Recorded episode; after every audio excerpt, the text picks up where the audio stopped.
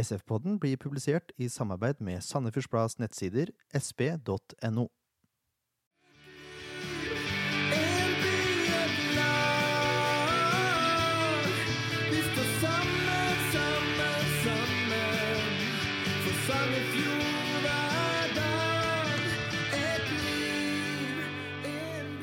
Ok, velkommen til SF-podden episode 22.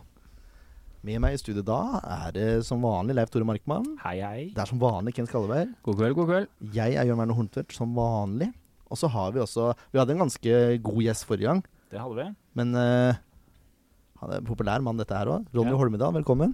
Hei sann, hei sann. Hei. Alt vel? Alt vel. Gleder, han gleder meg som unge. så bra. det er helt rått. Ja, det, det og gjør han over. Han sitter og smiler fra øre til øre. bare en likende kar. Ja, ja, ja. Ja da. Eh, Nei da, så jo, jo da. Kan du ikke presentere deg sjøl kort, da, hvis det er noen som mot formodning ikke skulle vite hvem du er? Eh, mitt navn er Ronny Holmedal. Født og oppvokst i Kvinnherad, som er en kommune i eh, Sunnhordland.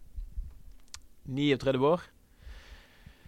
Eh, tre barn.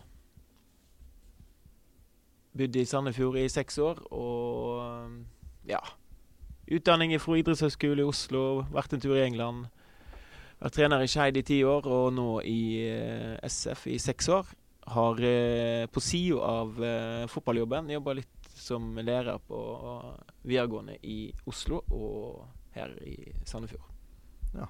Var det kort nok? ja, det var, det var veldig presist. I motsetning til det andre vi har hatt her. Innøvd.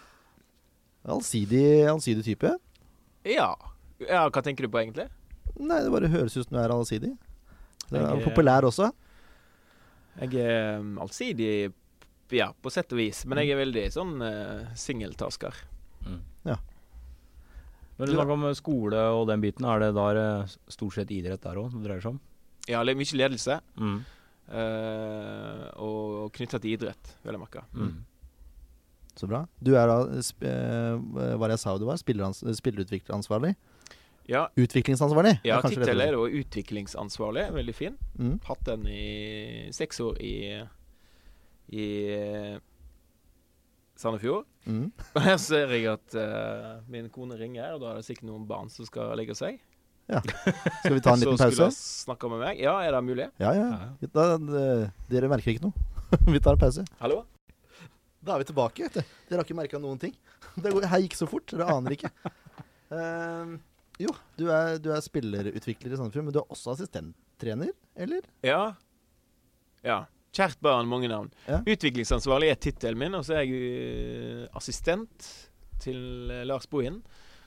Og så mm, Ja, en har jo masse ulike oppgaver. Vi er ikke så mange der oppe. Nei. Sånn er det bare. Sånn er det.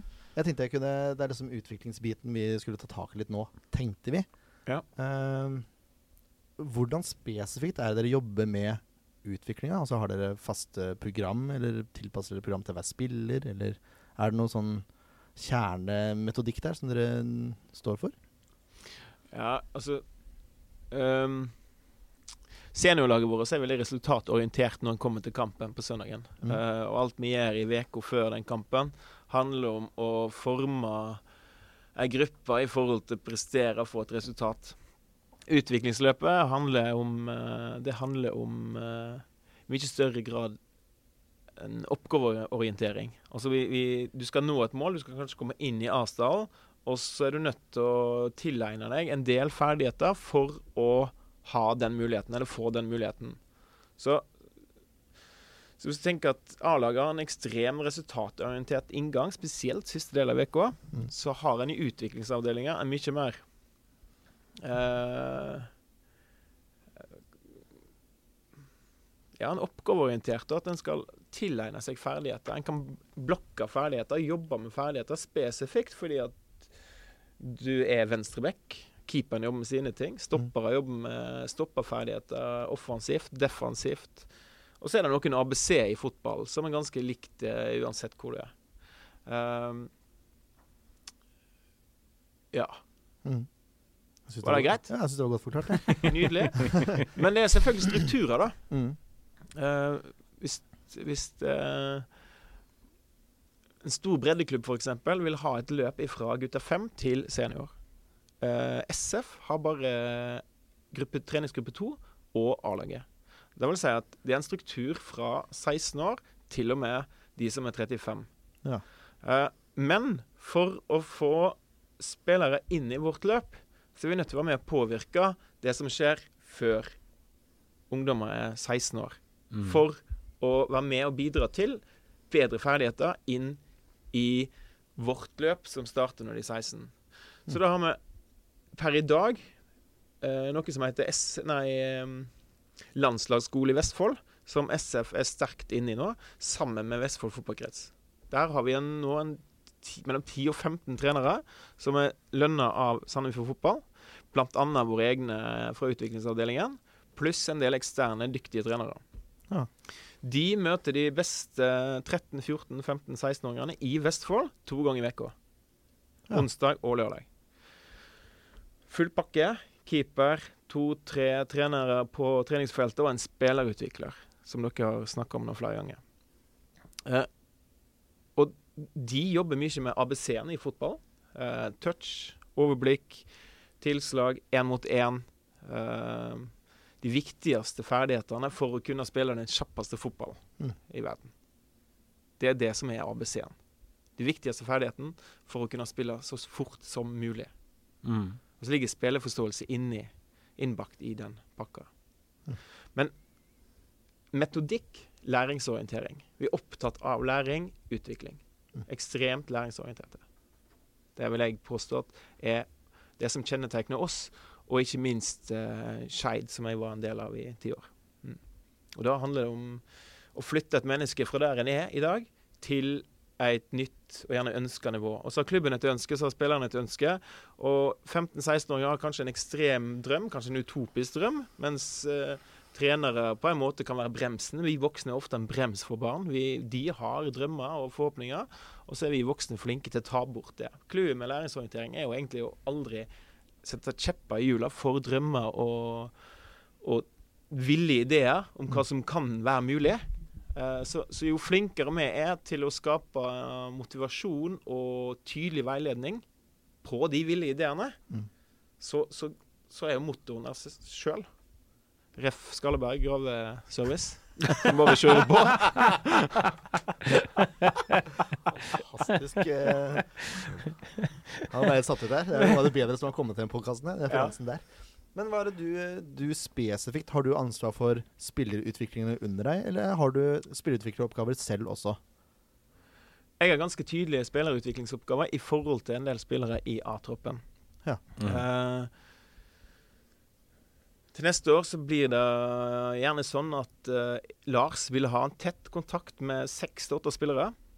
Dette er en ideell måte å organisere seg på, i hvert fall. Mm. Og så kommer jeg til å ha en seks til åtte spillere, og så kommer Sean til å ha en seks til åtte spillere. Da er vi oppe i en 18-22 spillere. Uh, Keepertrener Hans Petter vil ha de keepere som er der. Mm. Det vil si at det er én trener per sjette spiller. Mm. Og da, i den forstand så blir jeg en spillerutvikler. For da, da handler det om å være læringsorientert inn mot de seks enkeltspillerne gjennom treningsuka, gjennom treningsmåneden, gjennom oppkjøring, innfasing sesong, sesong og utfasing inn i ny sesong. Samme oppgave vil Alexander Gabrielsen ha på junior elite. Tett oppfølging på enkeltperson i treningsgruppe 2. Geir Ludvig Fevang vil ha det på gutta 16. Altså ikke vårt gutta 16, men Nei. Vestfold Vestfold-biten, Landslagsskolen, Vestfold. Ja, ja. Der ligger Ludvig på det ansvaret. Og så vurderer vi om vi skal ha det på 13- og 14-åringer. Ja. I like stor grad. Men vi har valgt nå eh, 15-16, 16-19 og en tredeling av spillergruppa i Asdal. I forhold til flytting av spillere. Så flytting eh, mentalt, flytting av refleksjon, flytting av ferdighetstilegnelse. Så bra at man kan bruke spillerressurser også da, som en eh, slags mentorrolle. Det er jo Ja, helt det er jo, de er jo ressurser, da, alle spillerne. Og så har de noen kvaliteter. Og Geir Mm, Ludvig mm. og Alex er det er kvalitet på spillerutvikling. De, Mm. har, eh, de har et eh, ekstremt rikt detaljfokus, og de er dyktige én-til-én. Mm. Ja, vi har jo hatt besøk av Alex, og han, det var jo noe han virkelig brant for. Mm. Som han fortalte oss, da. Det var jo før, før det var klart at om han fikk ny kontrakt eller ikke. Så han, han hadde jo et sterkt ønske da om uh, akkurat den biten han har fått nå. Da. Mm. Og det, det er liksom uh, Altså, i, i forhold til gjør noe eh, I forhold til jobben din. Altså hvis, Mm. hvis du har den lysta til å jobbe med ungdommer, og Mm. ved å flytte enkeltpersoner Ikke så opptatt av å drive et lag eller vinne den kampen, men rett og slett flytte Ole eller Jakob eller Jenny. Da har du riktig person. Mm. Og har du kompetanse i tillegg på feltet du skal jobbe på, Mm. så, så må en slippe de til, Ja. rett og slett. Og det, det er to ressurser som er dyktige på det. Det er jeg overbevist om. Altså, fikk inntrykk av at Alex var en veldig sånn uh, eh, god person med mennesker. da. Det var i hvert fall det inntrykket jeg satt med etter han var på besøk. Så all honnør til han. Mm. Stimulere til læring. Mm. Men nei, bare kort spørsmål, Ronny. Du sier eh, det ideelle er å dele eh, A-laget opp i tre grupper. Du, eh, Lars Nei, ikke kall det gruppe. Nei, men eh, altså jobbe Hovedansvar. Ja, hovedansvar. Vil det være de samme spillerne hele tida, eller vil det være basert på hvilke ferdigheter enkeltspillerne trenger å trene på? Uh, det kan fort være de samme spillerne. For det er ikke sånn at uh, Lars kan noe, Sean kan noe, Ronny kan noe. Eh, men det handler om å følge opp den spilleren. Ja. Mm. Og det kan, være, det kan være at jeg har mismatch med en person. Han, han, han flytter seg ikke med meg, men Nei. han flytter seg med Lars. Ja. Og så er det en som flytter seg mer når han er med meg, eller med Sean. Så det er ikke noe Ser vi- automatisk rullering i det her? Men det handler rett og slett om at dere tre som utgjør trenerteamet for A-laget, dere skal rett og slett ha tettere kontakt med en mindre andel av spillerne for å følge de opp mer eh, på en måte? Da. Ja, for at, eh, for at hver enkelt spiller skal få mer påfyll, eller mer, Ja. eh, mer eh, feedback, Ja. på en måte. Eller diskusjon, refleksjon, da. Ja. Mm. Men så har, jo, så har vi jo type eh, Espen Nordmann og som, Strøm, som har, har en tett link til spilleren. Og de, og de som er skada, er jo Der blir jo Espen Strøm den viktigste treneren vår. Altså. Mm. For han har den daglige dialogen med dem. Oppfølging, programmer. Ja.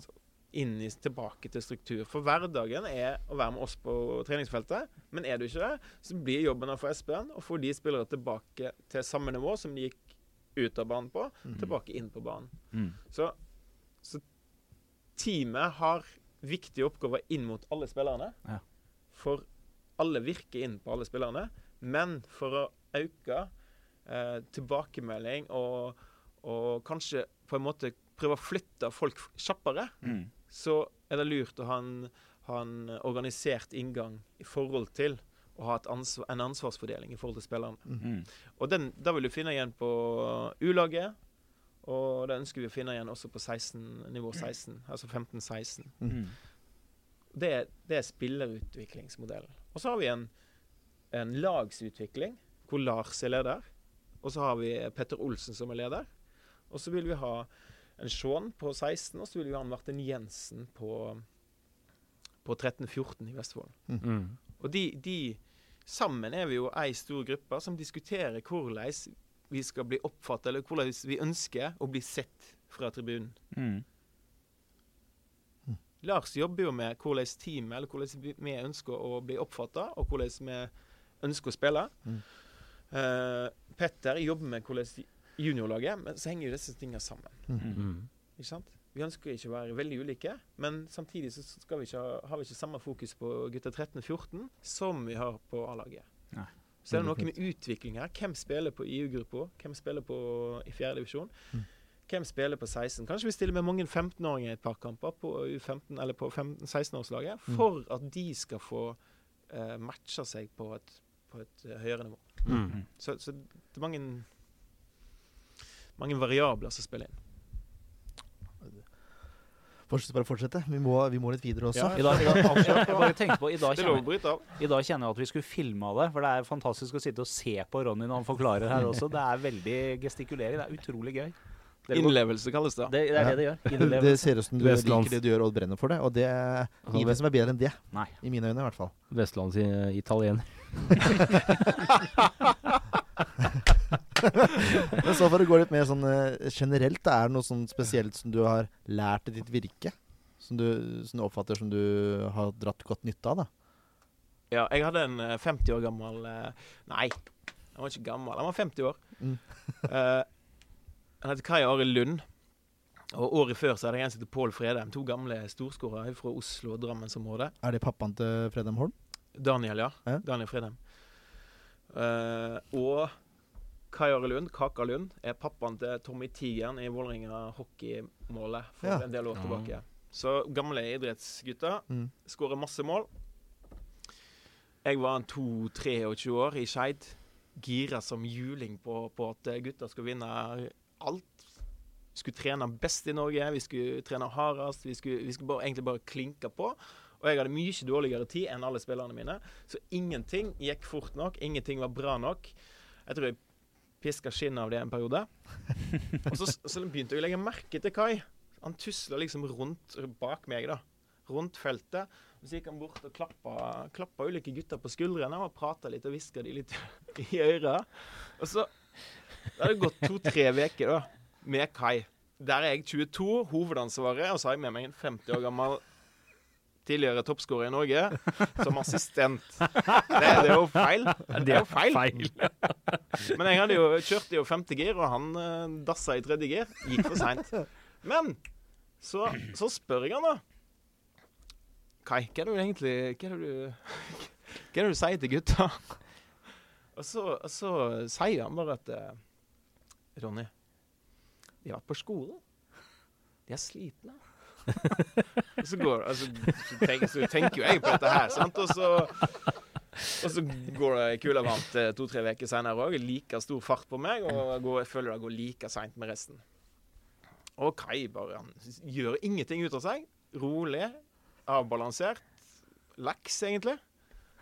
Og går liksom bare rundt og piffer gutta litt og Kom igjen, kom igjen. Og så, og så, og så blir den miksen bra, da. Ja. Ultrahissig vestlending sammen med han, eh, han eh, Bamman og Oslo øst, sant. Ja. og så finner jeg ut at OK, her er det gutter jeg jobber med, ungdommer. Eh, de er der de er, og det må være utgangspunktet for hvor vi skal flytte de Ikke hvor jeg vil og tror at vi skal være nå. Men må, du må spole tilbake og se hvor er gutten, og hvor langt kan vi få han i løpet av ett år. For det er jo ikke sånn at du blir fotballspiller på tre måneder, og så vinner du ligaen eh, de neste tre månedene. Sånn er det bare ikke. Du må, du må flytte folk fra der de står per i dag. Og så må du først vinne det. Og når du har vunnet det, da kan du begynne å flytte folk. Så, så Kai hjalp meg å vinne den gjengen der, og så ble det sinnssykt bra. Men uten Kai så tror jeg, tror jeg vi hadde ryket rett i hverandre på et eller annet tidspunkt. Men det er nok de viktigste personene. Kai og Pål Fredheim. Litt samme menneskene. Um, og så var jeg ung og bare hissig på å bli best. Mm. Og trodde det var en quick fix. Det er jo tøff oppgave å få i så ung alder, da. Ja, absolutt. Ja, det var kjempegøy. Ja. Har du spilt uh, på noe høyere nivå sjøl noen gang? Hva er høyt? Hva er høyt nivå? Nei, jeg har spilt tredjedivisjon. Det er høyeste. Ja. Universitetsfotball i England. Det var bra nivå der. Ja. Men jeg tipper sånn andredivisjon, kanskje. Der. Mm, Men mm. nei. Det er høyt, det. vunnet masse romjulsturneringer sammen med vestlandsgjengen hjemme. Ja. er mer enn godt nok. Mitt største høydepunkt var da jeg skåra hælspark i Runacupen i semifinalen en gang. Avgjørende scoring. 3-2. Ah, klasse. Ja, det var klasse. Det var, det var det største jeg gjorde. Men eh, sånn eh, i forhold til, til Nå snakker vi litt om skeitida. Jeg regner med at uh, svaret kommer herfra nå. I hvert fall det jeg hadde forutsett. Men hvilke spillere er det du er stolt av at du har bidratt til å utvikle? Oi.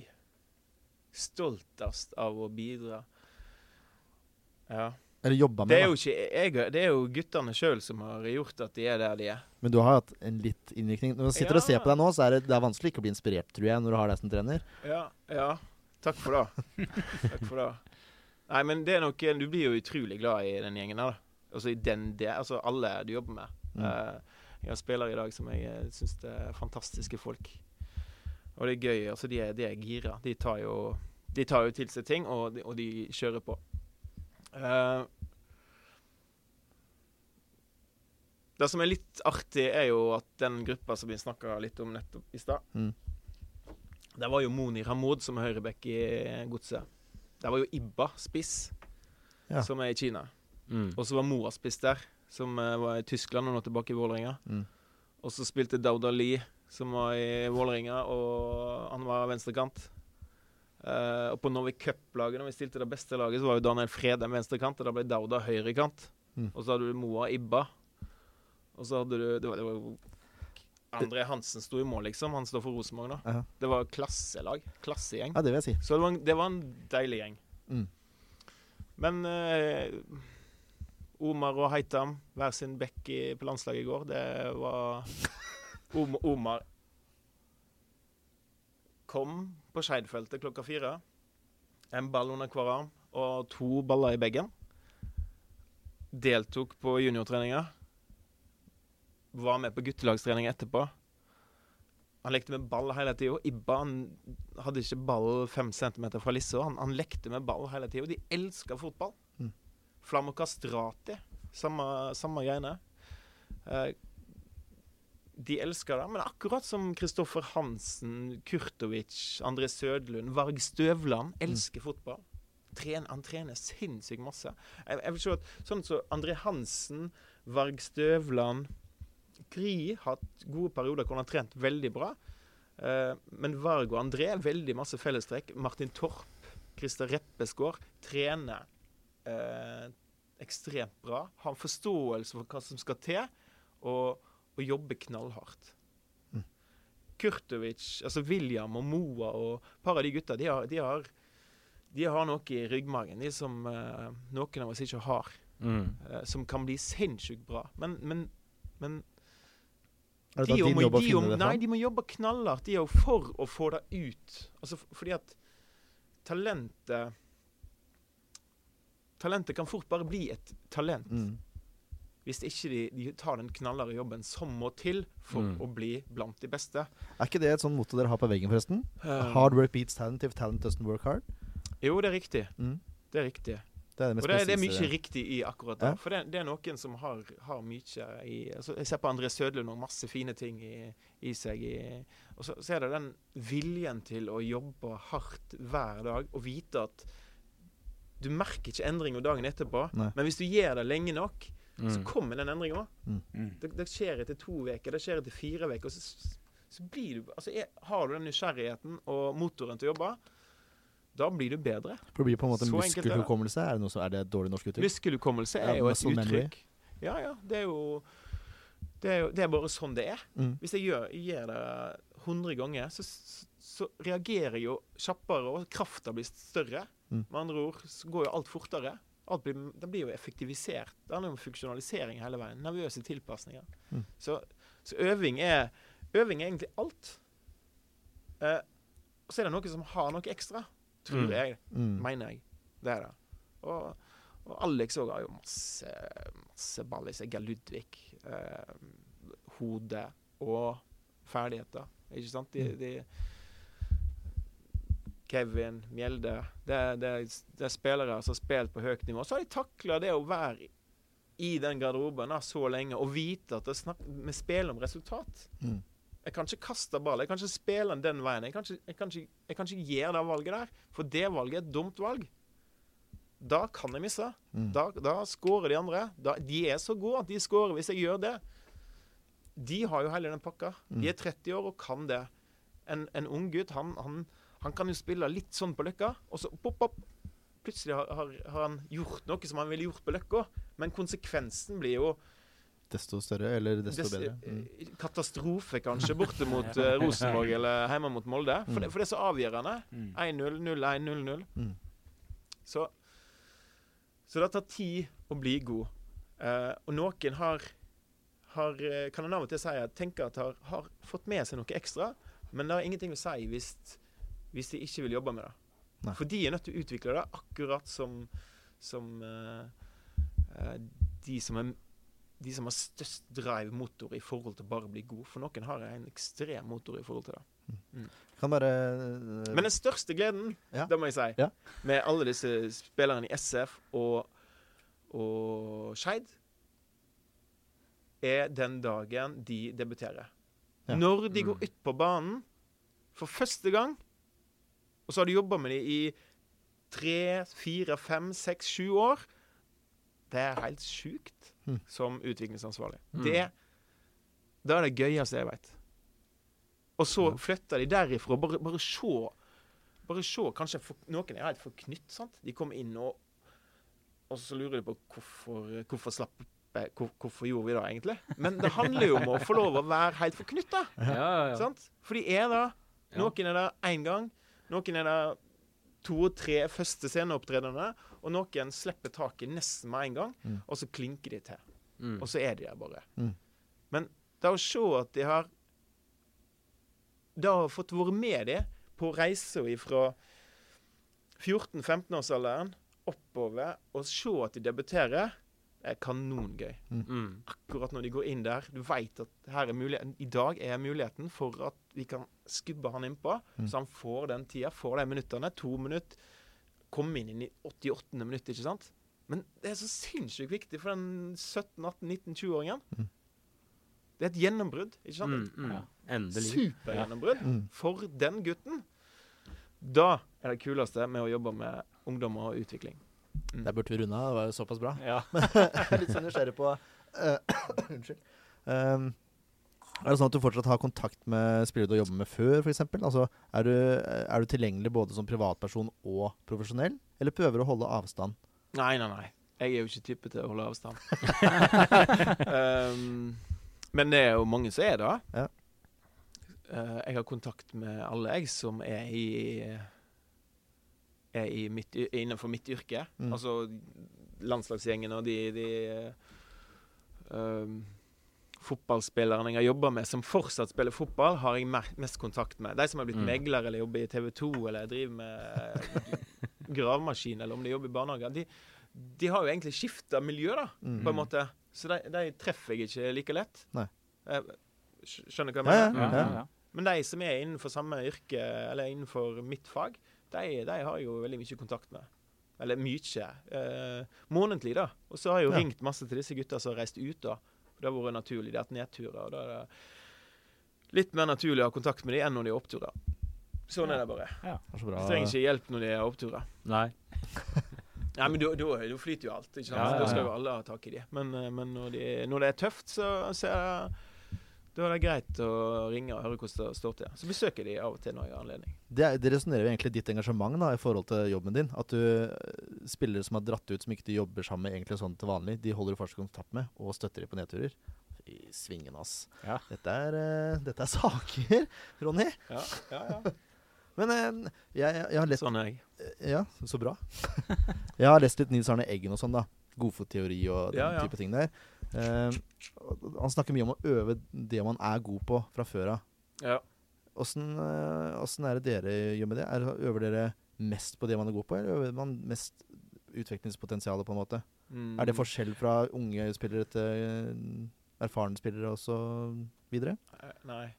Nei, det er ikke det. Det Nei. som er viktig å forstå, er at hvis du øver på det du er god på som 15-14-15-åring, så kan det hende at det ikke er nok til å få spille toppfotball. Nei. Så det du er god på, det du er ekstremt god på som 15-åring, kan være, det, kan være eh, rosiner i pølsa når du er 25 år. Ja. Men du er nødt til å flytte de andre tingene opp på et nivå Mm. som gjør at du faktisk får lov å være på det nivået. Mm. For, for vi har hatt ekstreme spillere i SF. eh, Vi hadde ekstreme spillere i Skeid òg, på enkelte ting. Mm. Enkelte ferdigheter som, som Åh, den ferdigheten skulle vi hatt i laget vårt. Mm. Ikke sant? Men det er jo ikke nok i seg sjøl å, å kunne starte gravemaskinen. Du må rett og slett kunne kjøre den Ja. i tillegg. Og, og da er Så enig med Eggen. Eh, Men det er forskjell på, på alder, eller på hvilket nivå man er på fra før. på en måte. Ja. Så lenge man har basicen inne, mm. så gjelder det å skape eh, spisskompetanse, på en Ja. måte. Så hvis en har et lag med veldig gode fotballspillere, eh, eller, eller vårt lag, da, Mm. Så handler det om å få fram eh, det som er best hos de ulike spillerne. Mm. Larmei. Vi er nødt til å få bruke farta til Larmei. Så Mm. vi er nødt til å prøve å få satt opp Che én mot én, og Mm. ikke én mot fire. Mm. Ikke sant? Mm. Eh, Pål han rydder seg jo litt vei sjøl. Eh, mens mens eh, Kjelle har en fart som vi er nødt til å få utnytta mye i. Altså, han, han må bli flink til å utnytte farta si. Mm. Det er viktig for Kjella, for, Mm, for å mm. bli så god som han kan bli. For det er spisskompetansen til Kjella. Ja, det, ja. han, han, er, han, han har noe der som de andre som de, Den, den farta der er ikke alle som har, Nei. rett og slett. Reppes har jo Han elsker jo å stå høyt. Eller jeg tror han elsker å stå, at vi kan stå høyt. Fordi at han har spiss, så mye fart Mm. at når den ballen blir kasta inn over hodet vårt, så leser han den pasningen så tidlig, og så kan han starte, og så, så plukker han jo Plukker han jo løpet. Det er jo litt sånn Bratseth-aktig. Ja, han Ja, ser ikke så rask ut, men han er rask. Ja, altså For en fotballforståelse på gutten, men det er jo en helt annen diskusjon. Ja, men, ja, men Det handler jo om å skru sammen laget, da. mm. Og samtidig lære hverandre hva som er min spisskompetanse, akkurat som vi skulle visst din, Jan. Mm. Samhandling, samhandling tror, rett og slett. Samhandling. Men, men det, du, det du egentlig sier nå, det bekrefter jo faktisk litt det som ofte er en diskusjon rundt Sandefjord fotball. At man, man, man skjønner ikke hvorfor den og den spilleren blir, blir tatt ut og, og får starte en match. Men, men basert på det du forteller nå, så handler jo det litt om at hvis man har skade på én person, så må man kanskje bytte ut en annen som ville vært naturlig å starte, fordi at dette handler om samspill. Det handler om å utnytte spisskompetanse. Det handler om å, sette sammen et lag, som du sier. Skru sammen en gruppe som er ideell. Skjønner Ja. du hvor jeg vil igjen? Altså, Ja, Hvis det er én nøkkelspiller som er ute, så betyr det at det kan hende det er en annen som kanskje ville starta, som også må tas ut fordi man må ha en, en annen for å fylle, osv. osv. Ja, det, altså, da da vil en, da vil en, ut, altså, da vil en egentlig endre uttrykk, på en måte. da. Eh, og så har du disse radarparene. La oss si at det er to spillere som passer godt sammen. da. Mm. Men å spille han ene spilleren der med en annen spiller, det, det funker ikke. For han, han, han, han gjør sånn. Nemlig. Typ Pau. Mm. Ikke sant? Pau elsker å få ball i rommet bak motstanderen sin midtbane. Mm. Mellomrommet, såkalt. deres. Der ligger midtbanelinja, og så er det gull hvis vi klarer å treffe han inn i rommet foran stopperen til motstander. Det såkalte mellomrommet. Mellomrommet. Mm. Hvis vi finner han rettvendt der, så kommer han til å gjøre én av to. Han kommer til å føre rett på nærmeste motstander og prøve å slippe ball gjennom backrekka. Å spille med Paul og Pau, da vil de smelle i hverandre i det mellomrommet. Mm. Paul vil gå på den samme ballen som Pau er opptatt av å få rettvendt. Ser tanken? Mm. Men hvis Pau spiller med en spiller som bare strekker og, og, og løper imot bakrommet Ser vi bildet? Ja. Ja. Så er det helt perfekt, for da kan Pau begynne å øve og slippe den på én touch. Da går det så fort at motstanderen har ikke kjangs. Eventuelt så kan Pau utnytte det rommet som spissen skaper foran seg, ikke sant? og gå på skudd. Eller som man gjør mot Odd. En liten uh, tikki-takka, og Ja. så er han gjennom. Og så Mm. skyter han sjøl. Ser du på Geir Ludvig og, og mot uh, Mjøndal. Han har, han, har, han har et bra overblikk. Han ser spillet. Han ser disse rommene. Han ser mellomrommet, om man kan velge det eller ikke. Han ser bakrommet. Noen spillere har veldig god romforståelse. Mm. Eh, nesten hver gang Geir Ludvig plukker opp en løs ball, eller vinner igjen ballen sjøl, så spiller han den direkte inn i bakrommet. Mm. Og det, Mot Mjøndalen så er det ekstremt uh, effektivt, fordi at de, de står høyt, og de er ikke så flinke til å lese spillet inn bak dem. Så det som skjer i den kampen, er at Shaun han er veldig flink til å starte i for, han, han leste de ballene som datt ned hos Geir Ludvig. Så han starter nesten hver gang. At ikke han skårer en to-tre mål i den kampen her, ren uflaks. Mm. For han, har, han, han, får, han får ballen, han får sjansene, og så blir det litt sånn eh, touch ut i den kampen. Mm. Men det, det er sånn Akkurat den komboen mot de var helt perfekt. Og da, sånn er jo også motstander med på å Definere lagoppstilling. ja, Ja, ikke sant? på en måte definere Ja, ja. lagoppstilling. Mm. Nå må vi det, åh. Må vi gi oss? Nei, vi må ikke gi oss langt derifra. Men det kan hende dette ender opp i to episoder, folkens. For det er så spennende der. Men eh, litt på Bohin har vært veldig klar på at uh, vi er altfor naive og, og uh, hva det jeg skal si for noe? Snille, da. Det er veldig snillisme i barnefotballen i Norge i forhold til spissing. Hvor, hvor tidlig bør man egentlig begynne å sette krav og spisse i barnefotball, mener du? Er du enig med Lars? Eh, jeg er enig med Lars i den forstand at vi, har, vi, må, vi må ha lov til å, å legge til rette sånn at ungene kan bli skikkelig gode. Mm. Skole er jo det. Du får en ny bok hvis du er for god i Ja, matte. Du får en ny Mm. eh, Du får ekstraundervisning hvis du er ekstrem på noe. Um, men, men hvis, vi, vi må ikke gå ut og si at ja, nå, nå skal vi spisse, liksom. For du må ha kompetansen til å spisse et tilbud. Ja, ja. Altså Mm. tilbudet, tilbudet må være bra for den spilleren. Og, og det er jo sånn at koordinasjon, motorikk, er ekstremt viktig i, fot, i egentlig ganske mange idretter. Mm. Så, eh, så det å ha en variert bakgrunn er veldig viktig.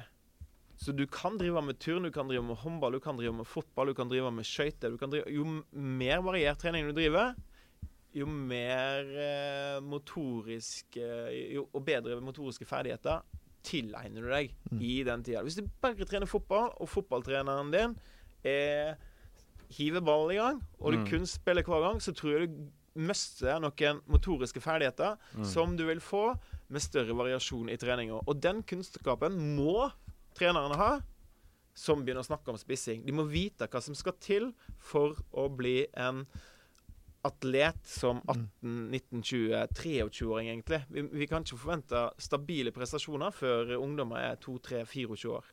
Nei. Det er ingen langrennsløpere som topper topp ti i verden før de er 3, 4, 25 år. Det er, og sånn er det fotball òg. Du får innhopp ja, som 20-åring. Du Mm. får kanskje ti på rad som 21-åring, men du spiller ikke regelmessig for det beste laget i Tippeligaen som 18-åring. Det, det er ekstremt få sider da.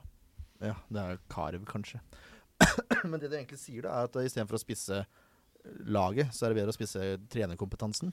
Det lover å være god trener, Ja, det og det lover å utdanne seg som trener, og det lover å tilstrebe seg å gi et ekstremt bra tilbud til barna. mm. Og da, da Da får du gode spillere, skal love deg. Mm, mm. Så første skrittet på veien mot å skape en, en, eh, en enda bedre fotballnasjon, det er at klubbene setter krav til trenerne sine. Trenerutdanning. Ja. Mm. Veldig riktig. Veldig riktig. Uh, jeg kan ta et eksempel, da, for jeg har vært trener ett år. Men uh, det var for 13-åringer. Jeg måtte lære dem breisidepasning. Ikke alle, men no 13. ja, Ja. noen av de måtte jeg lære breisidepasning. De visste ikke hva det var. Hvis du hadde rulla kråka med samme gjengen, så hadde du blitt skremt. Ja, kanskje. Men de, de ble mye bedre også. De ble mye bedre. Det er en helt annen sak. Nei, men det har jo mye å si. Ja, det har det. Også til foreldre Kjempebra med foreldre som stiller opp. Men man må liksom ha noe Det er greit å ha en bakgrunn der som gjør at man vet litt hva man prater om. Mm. Og så snakker man om fotballens ABC. Breisefasting er vel eh, på null, nesten. Det, det, det bør man lære ganske fort, altså. Men det er ikke naturlig for en seksåring å sparke en ball med innsida av foten. Nei. De løper rett fram, og da Mm. sparker de med tå eller vrister. Så begynner å lære en seksåring at de skal gå som Chaplin, det er jo tull. Ja, det er det. Sjef for ball lærer å tråkke på den, lærer å dra den bak, dra den til sida. Mm. Føre i liten fart, føre i stor fart. Første gir, andre gir, tredje gir. Mm. Masse du kan gjøre med barn. Uten at du er nødt til å vri på beina deres, og så begynner de å springe feil som seksåringer. Mm. De må, de må lære seg å springe vanlig, men, men etter hvert så sju, åtte, ni år, så, så kommer de tingene der. Mm. Mm, mm. Du har snakka litt om uh, at du har hatt sånn uh, Vestfoldlandslag og sånn, uh, holdt jeg på å si. Det er, det er i forhold til samarbeidsklubber, eller? Det er der dere får de spillerne fra? Nei, de Nei? spillerne er de spillerne som har øvd mest fotball og flytta seg lengst per i dag. Ja. Det, er- det er et bilde Altså 13-årsgruppa, de som er 13 år i den gruppa, de, det er et bilde av uh, hvordan det er i dag. Det sier ingenting om hvilken 13-åring som er best om tre år, men det, er- det er et bilde ut Det, det er to, kanskje to fra Horten, to fra Larvik, to fra Sandefjord, to fra Tønsberg. Mm. De kan være fra Ørn, de kan være fra Holmestrand, Hvitingfoss, de kan være fra Svarstad. De kan være fra samarbeidsklubb eller ikke samarbeidsklubb. Akkurat landslagsskolen, Vestfold, der er hele Vestfold inkludert. Ok. Mm. Men hvordan er dere spesifikt da jobber med samarbeidsklubber?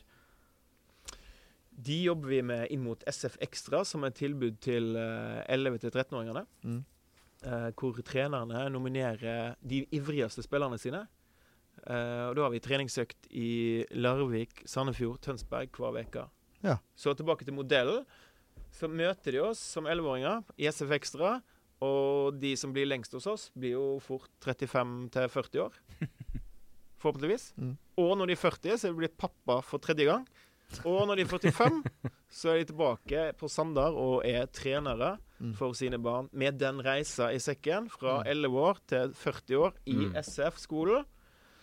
Da begynner vi å få en del gode trenere i, i fylket generelt. Så, så De som er med på den reisa, om de er fra 13 til 16, 13 til 19, kanskje bare fra 16 til 19 eller 16 til og inn i A-laget Og når de er fra Vestfold, blir pappaer i Vestfold tar kanskje noe studie i Oslo, tilbake som 30-40-åringer med familiene sine. Så blir de trenere. Så er de på Stokke, de er på ballklubben Runar. Mm. Nøtterøy. Flint. Fram. Og så trener de gutta 6, 7, 8, akkurat som du har gjort i din klubb. Mhm. Fire år. Men når du sånn har den bakgrunnen, så har vi jo gjort noe med trenerutdanninga. mm, Absolutt. Det er en vellagtsiktig plan. For før, ti år siden, så var jo ikke spillerne fra Vestfold Eller i hvert fall ikke for Når jeg kom i 2009, så var det nesten ingen spillere fra Vestfold på SF. Nei, det var vel nesten ingen. Med andre ord så har vi toppfotball i Vestfold for noen som ikke er fra Vestfold. Som ikke bor her når de er 40, som ikke blir pappaer her. Som heller ikke fører tilbake den kompetansen de fikk Mm. hos Sandefjord Fotball. Så det er viktig i et langt perspektiv med Mm. tanke på trenerutdanning og bygging av fotballkultur i Mm. Vestfold. Det er, det er helt fantastisk.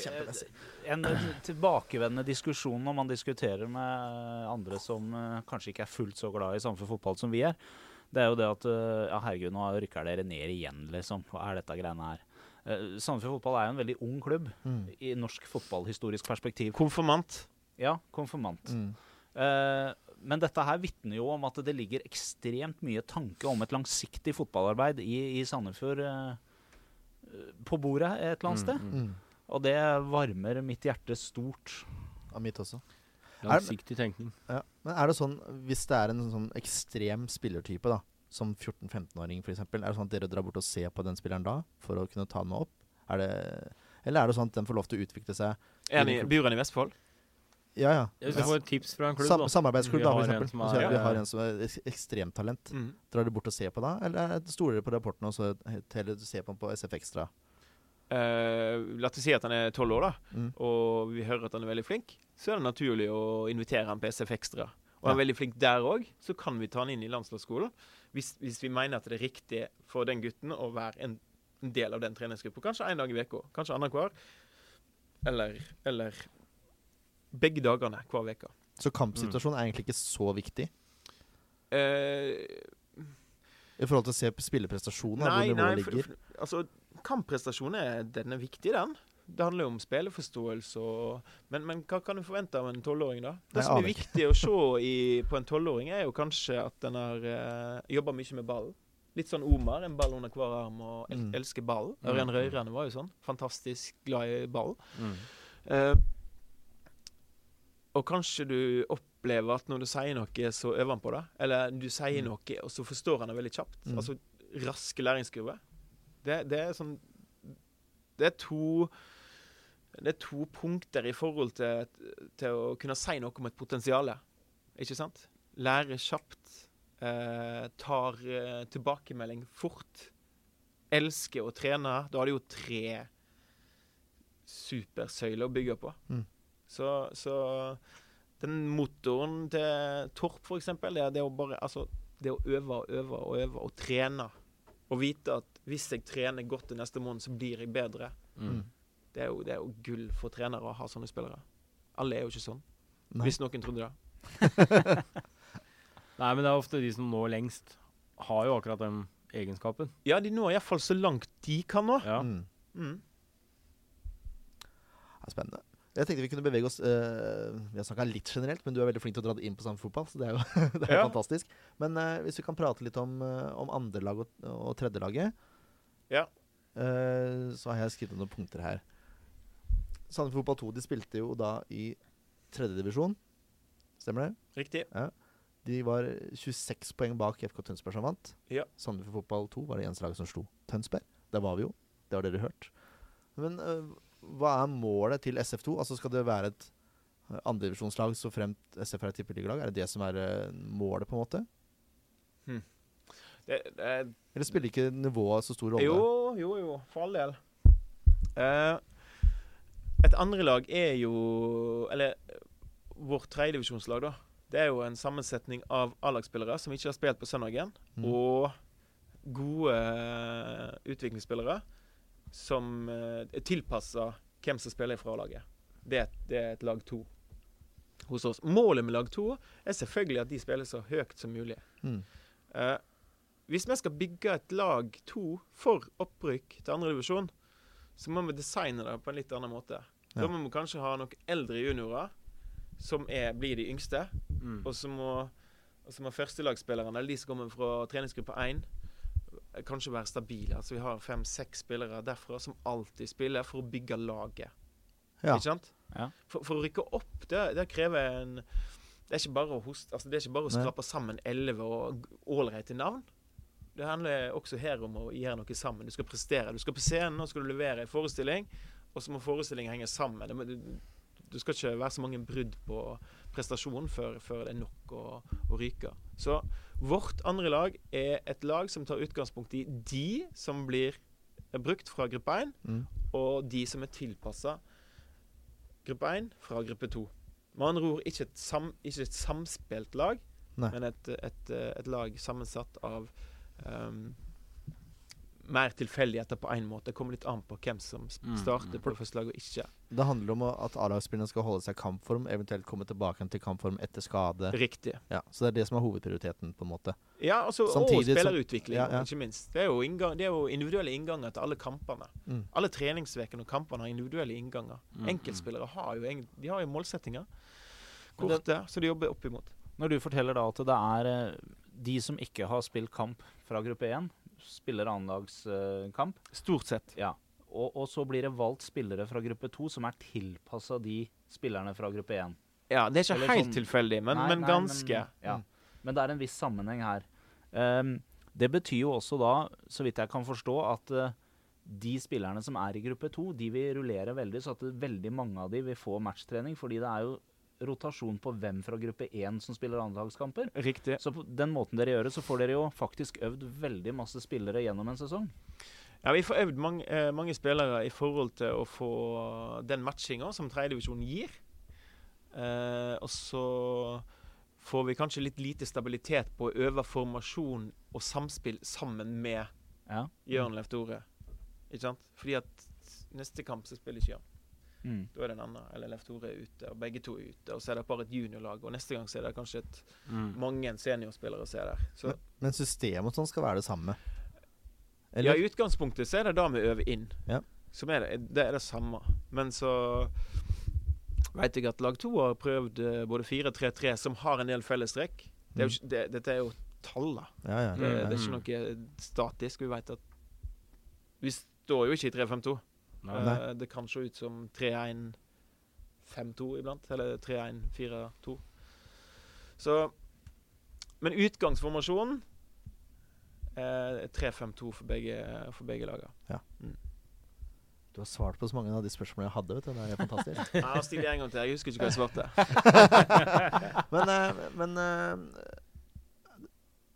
man tenker at SF2 er muligheten for juniorspilleren da, å komme opp i A-stallen. Altså, det, er- det, er, det er den arenaen de beviser seg fram på. Prestasjonene deres for eh, lag to eller tredjedivisjon er avgjørende for eh, eventuell utvelgelse inn på treningsgruppe 1. Mm. Gode treninger, gode turneringer med treningsgruppe 2.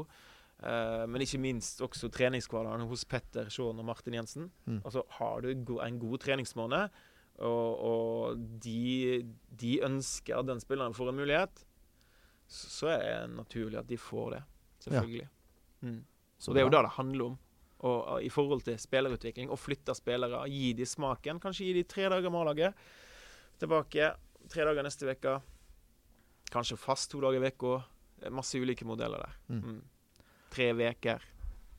Nå, nå har jeg delt opp sånn at uh, Sandefjord Fotball 2 og Sandefjord Fotball 3 på en måte er Eller Team Sparebank 1, da, som det som fint heter i fjerde, uh, er to forskjellige lag. Men det er jo egentlig en hybrid, da. Altså man, alle spillerne er egentlig I treningsgruppe to. Ja, i treningsgruppe 2 er egentlig juniorspillere som spiller på Team Sparebank 1. Riktig. Ja. Og så bytter de på å spille da for andrelaget. I utgangspunktet så er det de yngste som spiller i fjerdedivisjon. Mm. Ja. Ja. Hva er da målet? Altså, Spørsmålet jeg har vurdert på mange ganger. Hva, hva er Hvorfor spiller man fjerdedivisjon istedenfor en interkrets, f.eks.? Fordi at uh, interkrets i Vestfold en kvalifisering lokalt først, Mm. for å være en integrert serie på høsten. Ja. Uh, det har uh, vi over tid opplevd at er for lav, det er for dårlig nivå. For Ja. svakt nivå på junior uh, vår side. Mm. Så er det ålreit på høstsida. Men da går vi tre-fire måneder med litt for dårlig matching. Mm. For ganske gode spillere. Det blir litt sånn tullekamper. Det, det, det er litt som å gå fra Løkka og inn på, inn på stadion, og så får du lov til å gjøre ting som du blir hardt straffa for med en gang du møter et godt lag. Ja. Så, Så fjerdedivisjon er mer det blir sånn stabilt. feil, læring, feillæring, egentlig. Ja. Hvis vi stadig spiller mot for lett motstand. Ja. Hvis den beste spilleren alltid spiller mot den dårligste, så tror jeg han beste han er king kong i verden. Mm. Ja. Mens han dårligste føler seg dritt dårlig. Mm. Begge deler er feil. Mm. Ja. Du må få justert altså han nummer ti i gruppa må få spilt med flere tiere. Og så må eneren få spilt mer med en, nummer én, Mm. sånn, at, sånn at en får fargelagt eh, bildet på, på, på en skikkelig måte. Mm. Mm. Så, så referanser blir som man skal. Men alle i da treningsgruppe to er SVGS-studenter for det meste, eller? Stort sett. Så det samarbeidet er uh, gull verdt. Det er gull verdt for SF, og forhåpentligvis er det også da for SVGS. De må jo tilrettelegge for eh, etter hvert for at spillere skal få trene med A-laget. Mm. Det, det er et felles ønske. Vi Mm. ønsker at en spiller skal trene mer med A-laget, for det er riktig i trappa hans. Han er kommet så langt at nå må han få lov å trene med A-laget. Vi har en treningstid som faller midt i skoletida. Krever tett samarbeid med skole. Mm. Da, må vi ha, da er det lærere i forhold til fag. De må tilpasse, altså de må legge til rette for eh, oppfølging. Altså du må få tilsendt timen i dag. Ja. Eh, kanskje du må få uh, telefonsamtale en time på kvelden, eller at vi må sammen organisere en ekstralærer. Eh, så det er en del ting vi må gjøre da, for å kunne tilpasse så den spilleren ikke mister for mye undervisning. Nei. Men det krever litt av begge parter, da, egentlig. Ja, absolutt. Mm. Eh, men det er jo Det er jo til spillerens beste, da, i utgangspunktet. Mm. Mm. Det er en god inndeling. Er det, er det noen spillere vi vil se spesielt opp for i framtida, eller til neste år? Vi så jo Mats Holt, som var eh, fremragende som, eh, som midtstopper i den eh, kampen mot Ja. Tønsberg. Spennende. Mats Holt er kjempespennende. Trener litt med A-laget. Uh, så har vi altså, man, man flere, Det er flere spennende, spennende spillere. Vi har 97-gutt som har vært mye skada i, i år. Jon Simen Jarbekk. Mm. Spennende.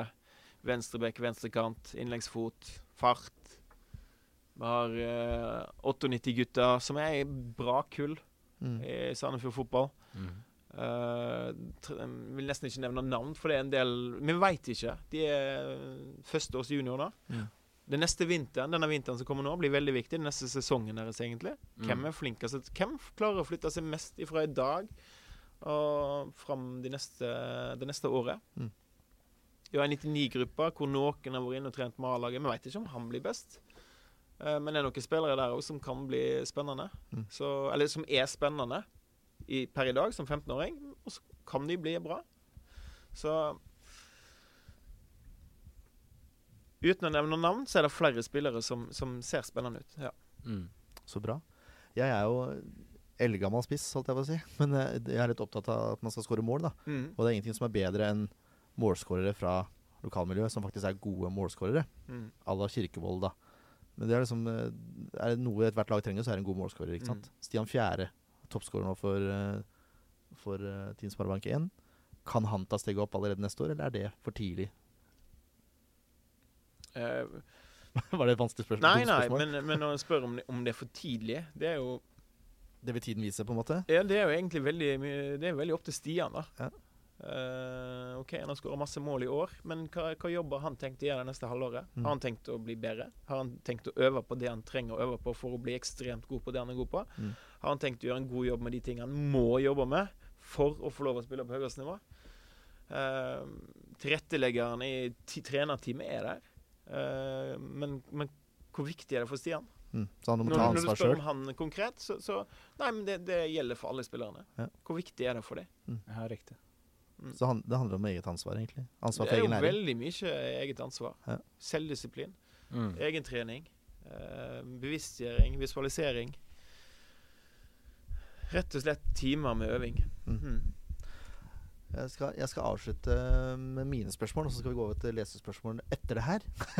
For jeg lurer på spillere som forlater Altså talenter. Vi kan kalle det talenter som forlater Sandefjord Fotball og spiller i andre klubber.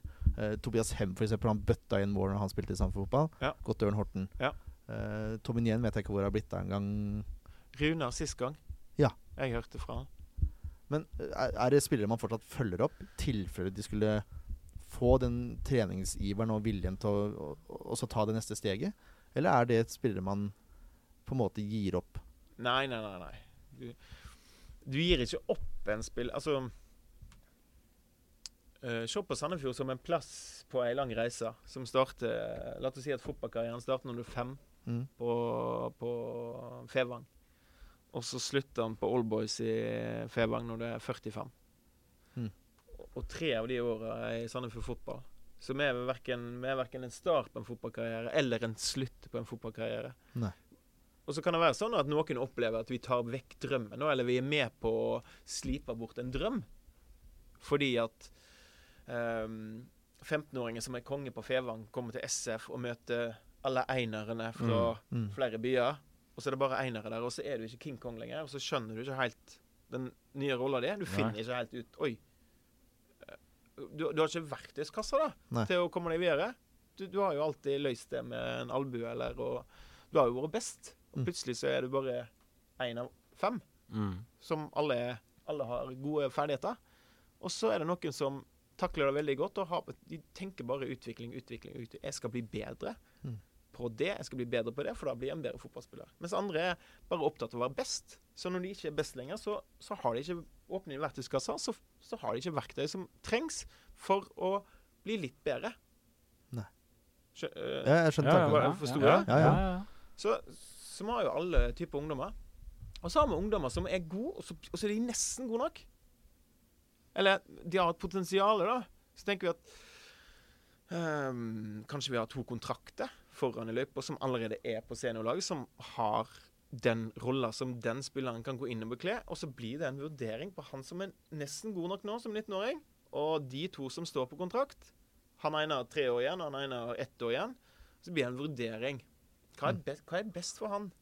Spilletid er det desidert viktigste for en 19-åring. Han må oppleve å spille kanskje for 1000 nede i Framparken, hvor det handler om poeng og resultat. Mm. Det er viktig når du er blitt 19 år. Mm. For 16 år kan vi si at ja, vi har masse plass til deg. Her skal du få spille en del i den rolla, en del i den rolla. Mm. Enten i tredje divisjon, fjerde divisjon. Kanskje du får treninger med A-laget. Men for en 19-åring så begynner du å nærme deg resultatverden Mm. og tekst-TV og, og fotball-TV-verden. Så da må, da, må du, da må du trimmes mot det nivået. Så vi har spillere som er nesten gode nok, som vi anbefaler å spille fotball inn i FKT, Ørn, Fram. Eller kanskje noen reiser til Oslo, så hjelper vi til å skaffe en klubb der. Mm. Eller Trondheim eller Bergen. Vi har flere eksempler på det. Uh, men vi kan bli bedre på inngangen til SF. Vi kan, bli, vi kan helt sikkert bli mye bedre på å legge til rette for å føle deg veldig viktig i det du kommer. Mm. Og så kan vi bli mye bedre på utgangen fra SF. Uh, OK, det blir ikke noe videre her. Du er 19 år, eller 18 år. Um, hvordan kan vi eh, legge til rette for deg de neste årene? Hva, hva skal til for at du skal fortsette å ha lyst til å trene, for å se om det blir en Pål Kirkevold, som Mm. kommer til SF som tre- to- tre- to- 23-åring? Mm. Og har jeg, har jeg litt sånn folkeskole i Molde, spilt litt på treff, vært litt i Molde. HamKam andredivisjon, HamKam førstedivisjon, Mjøndalen førstedivisjon, SF og nå Hobro. Så alle alle blir jo ikke gode som 15-åringer. Nei, selvfølgelig Noen, noen tar jo de stegene sakte. Og de, Mm. en type Tobias Hem, da, han trener jo bra, han. han, er jo, han det er jo ikke sånn at han spiller i Ørn og trener dårlig. Nei, han, han, Han fortsatt mål der bra. òg. Men det som er viktig for han, nå, det er akkurat som Pål. Pål blir jo interessant fordi at han presterer bra der han er. Mm. Mm. Mm. Og det gjelder for Tobias Hem òg. La oss si han skårer 25 mål da, i Ørn Horten til neste år, så blir jo han kjempeinteressant. Ikke bare for SF, men for ganske mange. Mm. Så det, det, det, handler om, det handler om Det handler om å gjøre en god jobb. Mm. Og Jeg- da, er, da styrer du deg sjøl. Du Mm. må Øvinger må du gjøre med laget ditt, og ikke minst alene. Godt svar. Vi kan ta inn noen lesespørsmål før vi går over på Jeg tror vi holder oss i en episode. Jeg bare driter om det blir langt eller ikke. Eh, før vi går på Sarpsborg-kampen. Men uh, som sagt, jeg åpna opp Det her er en stund siden jeg planla, da. Så det er en stund siden de spørsmåla kom. Så jeg, jeg håper de fortsatt lurer på det. Uh, Arne Kristian Hansen lurer på om, om det er planer om å etablere et rent gutte 16-lag. Ja. Uh, den diskusjonen vi har hatt oppe i tre år nå, og den er delt, den på vårt kontor, eller på huset, egentlig. Mm. Uh, det er trenere som vil ha det. Uh, det er trenere som ikke vil ha det. Og så har vi landa på den modellen vi har landa på, sammen med Vestfold fotballkrets. Ja. Det er den desidert beste modellen for Vestfold fotball, spør du meg. Men da skjønner du òg at jeg ikke vil ha guttelag. Ja. Uh, og det handler om at de må ha motstandere. Ja. Mm. Det handler òg om at uh, et guttelag må ha minst 11 spillere. Og for ei treningsgruppe så må du kanskje ha 16-20 spillere. Mm. Og når du skal ha 16-20 15-16-åringer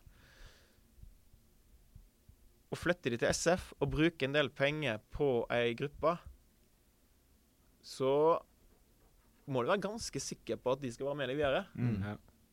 For jeg kan ikke hente fem spillere fra Flint, 16-åringer, i ett år, og, og så litt glør, da. Ja, ja. Og, og sende de til Trondheim og spille mot Rosenborg, sende de til Bodø for å spille der, og sende de til Bergen mot Brann. Så får du den, jule, den julepakken i ett år, Mm. Og et år seinere så tar de vekk. Og så får du aldri oppleve det igjen. Hva skjer da med den fotballspilleren? Ikke sant? Mm. Han har jo fått en del av kaka litt tidlig, kanskje. Mm. Og så får han ikke være med videre på den reisa. Mens så tar vi med oss tre, da. Tre 16-åringer, og så tar vi med oss tre 15-åringer året etterpå. Og vi, med andre ord, vi har tatt med oss seks av de 18 spillerne. Så de er bedre av å spille for Eik i tredje divisjon, Runar i fjerde divisjon, Ballklubben femte fjerde divisjon, spiller for Flint fjerde tredje divisjon. Eh, spiller på gode guttelag der. Og så er vi inne og trener de to ganger i uka. så vi får den stimulien de trenger, vi mener at de trenger, for å være med og kunne ta det neste steget Mm. i deres egen karriere. Og de teamene som er skrudd sammen nå i landslagsskolen Vestfold, kanonteam. Mm. Jeg har godt argumentert. Jeg skal ikke si noe på det, jeg. Nei. Eh, da har vi, er, er du klar for mer, eller? Ja da. Marius Lie lurer på? Er du tø- er kaffetørst? Nei, vann. du må ha vann. Jeg skal, jeg skal ordne det her mens du tar litt spørsmål. Ja, kan du ikke det? Ja, jeg ordner det. Eh, ja. Marius Lie lurer på hvilken spiller utenom de vi allerede har sett denne sesongen her, i cup og liga, er det som er nærmest en plass på A-laget? Utenom det vi har sett. Jeg, jeg lurer på om vi har spilt 32 spillere i år. Jeg. ja, det har vært en del. uh, hvem som er nærmest som ikke har spilt i år? Ja. Kanskje Jon Simen Jarbekk. Venstre vingkant. Ja. Kanskje han er den nærmeste. Men han har hatt en god grunn til å ikke være i nærheten. Hatt en skulderskade. Men det er vel den spilleren som ikke har spilt i år. Mm. Ja, for Brian Steven hadde jo ett innhopp mot Stabæk Ja, i cupen. i cupen. Uh, så Jon Simen Jarbekk har uh, ting ved seg som tilsier at han kan bli en bra fotballspiller. Men igjen, det handler om beinhard jobbing. Mm. Spennende. Så har vi Roy Holm, da. Tusenkronerspørsmålet, som han kaller det, er hvordan kan man lokke de beste spillerne fra Tønsberg? Og for så vidt Horten. Uh, og det er både Daniel Haugen og Marius Lien på også. Uh, Zalo ble solgt til IFK Göteborg. Ja. Artig med Benjamin Zalo. Veldig artig med Julian Kristoffersen òg. Veldig bra fotballspillere. Mm. Eh, hvis vi tar Julian, da. Så starter vi et møte med Julian som 13-åring i SF Extra. Og noe som heter Vestfold-modellen. Mm. Tror jeg jeg møtte Julian som eh, 13-åring. Julian i dag i FCK sin, eh, sin treningsgruppe 2, også en del med treningsgruppe 1. Uh, han kan gå til oss, han kan gå til Stabæk, han kan gå til flere klubber, han egentlig. Men så vil FCK han. Mm. Da velger han FCK. Ja, det er jo greit. det, det, er, det, er jo, det er jo Sånn er det bare. Ja. Og så har du Benjamin Zalo. Ønsker vi òg veldig sterkt å hente for et, eh, to år siden. Og for ett år siden. Han valgte å bo i Horten. Han øh, synes det ble litt langt å pendle. Uh, så svaret på det spørsmålet er hvis vi er sikre på at Benjamin Zalo blir veldig god, og tilbyr Benjamin Zalo en sum penger for å komme til SF som 15-åring, så tror jeg sjansen øker betraktelig for å reise fra Horten til Sandefjord hver dag, eventuelt flytte til Sandefjord, ta, gå på storskole, bo her og betale det det koster for å bo her, for å være en del av Sandefjord fotball. Mm. Så jeg, tror- jeg tror Hvis vi skaffer leiligheter, eller om vi eh, Om vi eh, kan tilby noe eh, Kan være i form av penger rett og slett for transport eller Mm. bo, så, så kan det være nok for å flytte en sånn type spiller som Benjamin Zalo. Men når du velger å bruke 4000-5000 på en spiller i måneden, så må du være ganske sikker på at han tar steget opp til A-laget. Mm. Mm. Eh, ønsker jeg, sånn ønsker jeg å tenke, da. Mm. Eh, men den dagen vi har masse penger, så skal du ikke bort ifra at eh, neste klubblederen eller styreformannen eh, bruker ganske mye penger på de spillerne for å få dem til Sandefjord, for å huske det, og for at de skal være, ta utdanning, fotballutdanninga si hos oss. Men økonomisk så er det, så er det jo litt gambling å hente en 15-åring, for du veit ikke hva som skjer på Nei. den veien. Men Altså- begge to er gode spillere. Begge to er spillere som vi følger med, har kontakt med. Og det er jo sånn at hoved, Et av hovedmålene i, til Sandefjord fotball er jo å ha bekle den avstanden med typ 50% spillere fra Vestfold. Så, -hmm. så at vi er gode på å scoute inhouse, altså de spillerne vi har, og har i vårt uh, treningsmiljø, enten på trett, fra 13 til A-lag, og ikke minst Vestfold-spillere som går ut og spiller i andre klubber. Så, men er det sånn at det er veldig stor rivalisering sånn, i forhold til de fra Tønsberg Horten nå? Er det som Sandefjord litt sånn tabu? Nei, nei, nei. Overhodet ikke. Um, han prøvespiller for FKT i dag. Vi har en prøvespiller fra eh, Ørn i dag. Ja, det Kan du se. Vi har en prøvespiller fra Vi har jo, en, vi har jo hatt Anders Diserud i Fram. Mm. Eh, jeg opplever at FKT ønsker at deres spillere trener med oss, hvis vi ønsker spillere fra FKT. Mm. Eh, jeg opplever, jeg opplever det samme i Ørn. Kanskje Ørn har litt mer pigga ute av og til. Kan oppleves sånn, men, men dette handler jo om enkeltspilleren. Hvis, Mm. han, hvis han har veldig lyst til det, så så får han den muligheten. Men så er det sånn at det er jo det er personlige tilknytninger til ulike klubber. Ørn og Jan Peder Jalland er, har jo et forhold. Jan Peder er assistenttrener i Stabæk, har tett link til Ørn Horten. Og kjenner de spillerne kan være litt på og være litt fremoverlent Mm. inn mot Ørn Horten. Med andre ord så er det et vindu til Stabæk, altså Oslo. Så er det et vindu til SF, men så er det òg kort kortere vei til Drammen.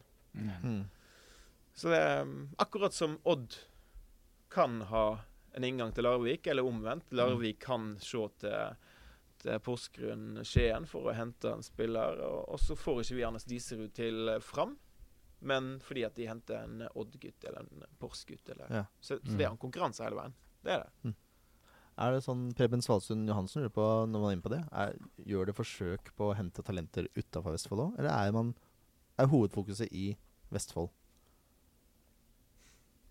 Mitt fokus er Vestfold. Mm. uh, igjen risiko, gambling med å hente en spiller. Hvor gammel er, hvor gammel er dette talentet? her? Hvis, hvis talentet er 15 år, så tar det å flytte en 15-åring ut ifra mamma og pappa, som bor i, på Edemarken, eller kanskje de bor i Øst-Agder eller inne i Oslo.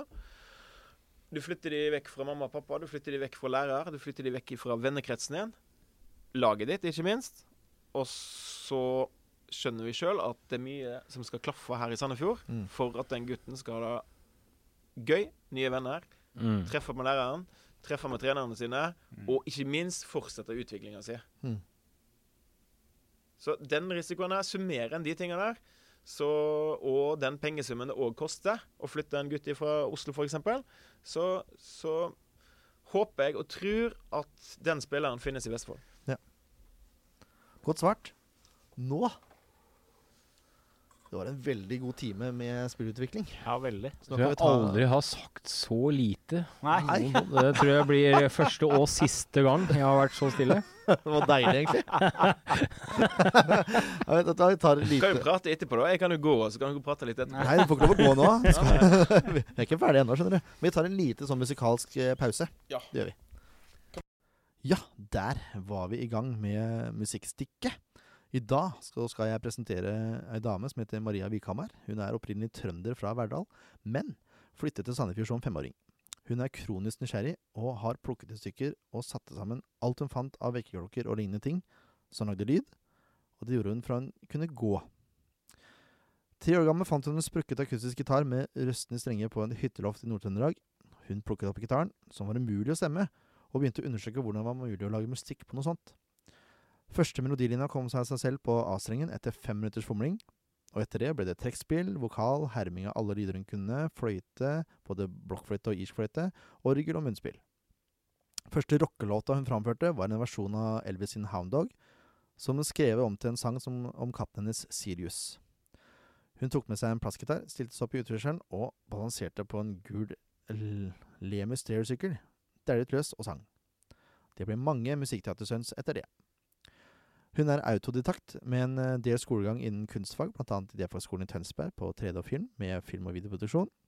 Og etter en del år med eget enkeltmannsfirma innen scenerigg, crew, stage manager, lyd, uh, lydkurs, backline, uh, gitartech og scenesecurity, jobber hun nå som frilanskomponist, musiker, scenemester, kunstner uh, og cartoonist.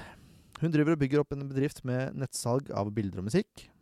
Og hennes inspirasjonskilder er alt mellom himmel og jord, men eh, Leonardo da Vinci, Frank Zappa, Øystein Sunde, Beethoven, Mozart, Steve Vai, Guthrie Govan, Jeff Beck, Jimmy Hendrix, Stanley Clark, Stanley Jordan og Hans Zimmer er noen.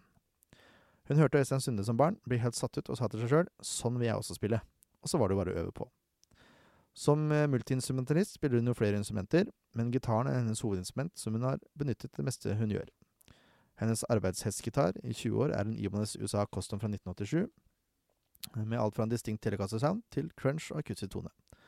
Med andre ord en gitar man kan skru det meste av lyd ut av, om hun orker. Musikkteori pugget hun i ungdommen, og lærte seg alt det nødvendige musikk- og gitarteoretiske og tekniske før hun begynte å undersøke gitarens muligheter som multiinstrument. Om hun bare tør å eksperimentere med lyd og toner, kan man få det til det meste, har Maria funnet ut. Og hun blander alt av stilarter og teknikker for å kunne lage sitt lydbilde. Hennes hybrid spillestil har hun døpt slaptap. Improvisasjon er nok det som hun trives best med. Hun spiller cover når hun må, men foretrekker å komponere ting selv fra bunnen av. Det er mye humor i hennes stuntgitarspilling, som hun kaller det. Forutenom gitarlærerjobben har hun også begynt å lage små instruksjonsvideoer der hun forklarer teknikk osv.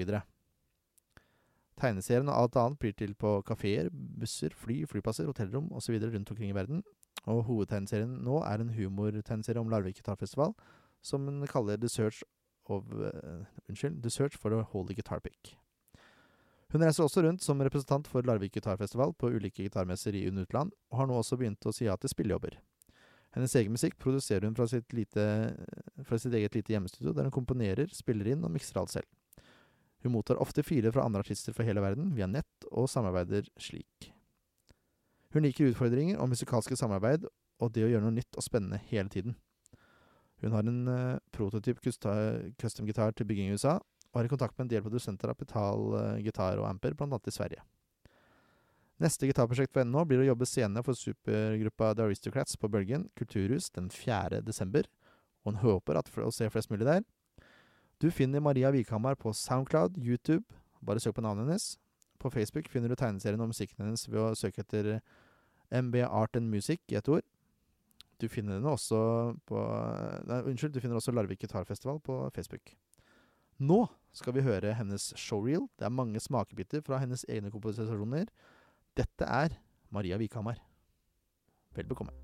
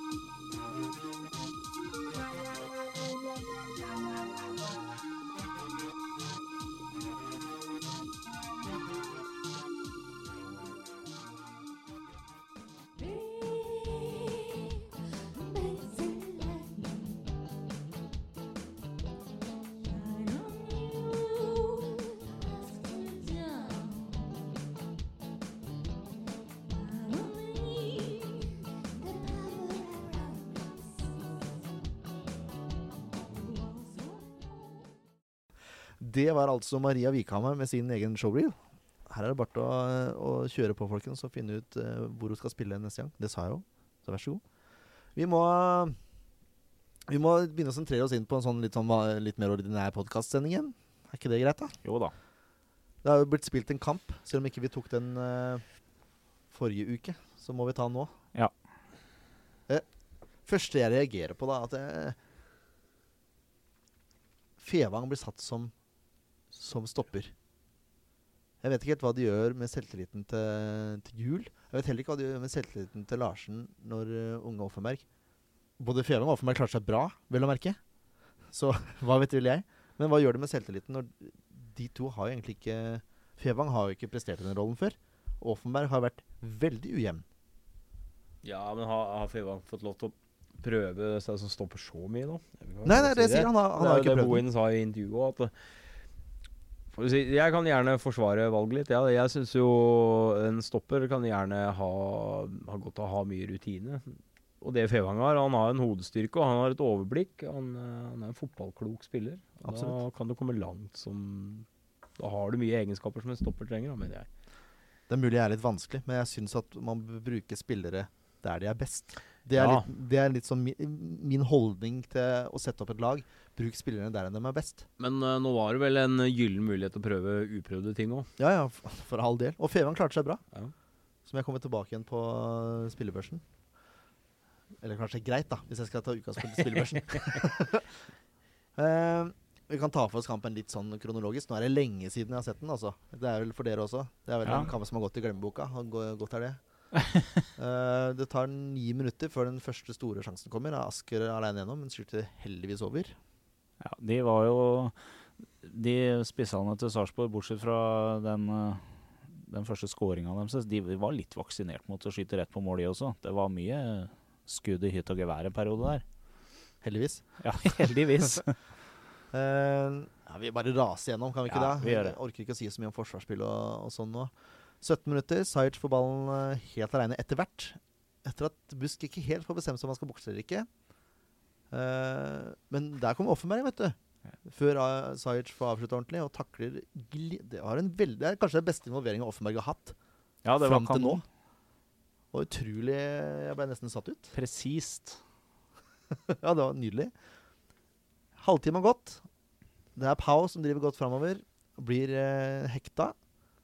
Frispark i god posisjon. Får ikke gult kort. Nei, utrolig nok. Det er ikke utrolig i forhold til hva du har sett gjennom sesongen. Så. Nei, Tre situasjoner i den kampen skulle gitt de direkte gult kort. Som er direkte disfavør for oss. Pau, den situasjonen var en av de. Det er godt. Vi skal komme tilbake igjen til dommeren etterpå. Av en eller annen merkelig grunn. Uh, det er Mjelde som ender opp med å ta frispark. Det ser veldig bra ut. Men dessverre har Askar eh, Han har spilt mye Fifa online. Han vet det at ved å trekke seg tilbake igjen fra muren og så stelle seg ved stolperota, så er det bare til å heade den ballen vekk. Og det er akkurat det han gjør. Men det er vel det nærmeste SF eh, omtrent har vært fram til det.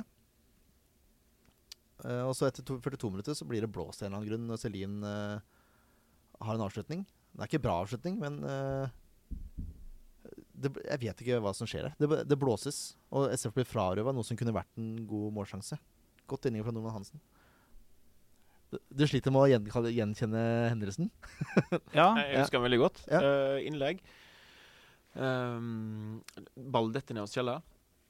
Han uh, er i en duell i forkant av den avslutninga som gir et frispark. Og så er det veldig uh, vanskelig å se hva som blir dømt for i den situasjonen. Og går det skuddet i keeper og stolper, eller går det Ja, det tror jeg faktisk. Ja. Det, Kan skåre der, eh, men, men det blir da avblåst for frispark imot. Litt, veldig billig situasjon, egentlig. ja, det, så jeg er så lei av at ikke dueller kan gå sin gang. Når, det er, når, når begge to er likeverdige, hva er vitsen med å blåse da? Da er det jo 50-50 den ene eller andre veien. Og som oftest så går det forsvarerens vei.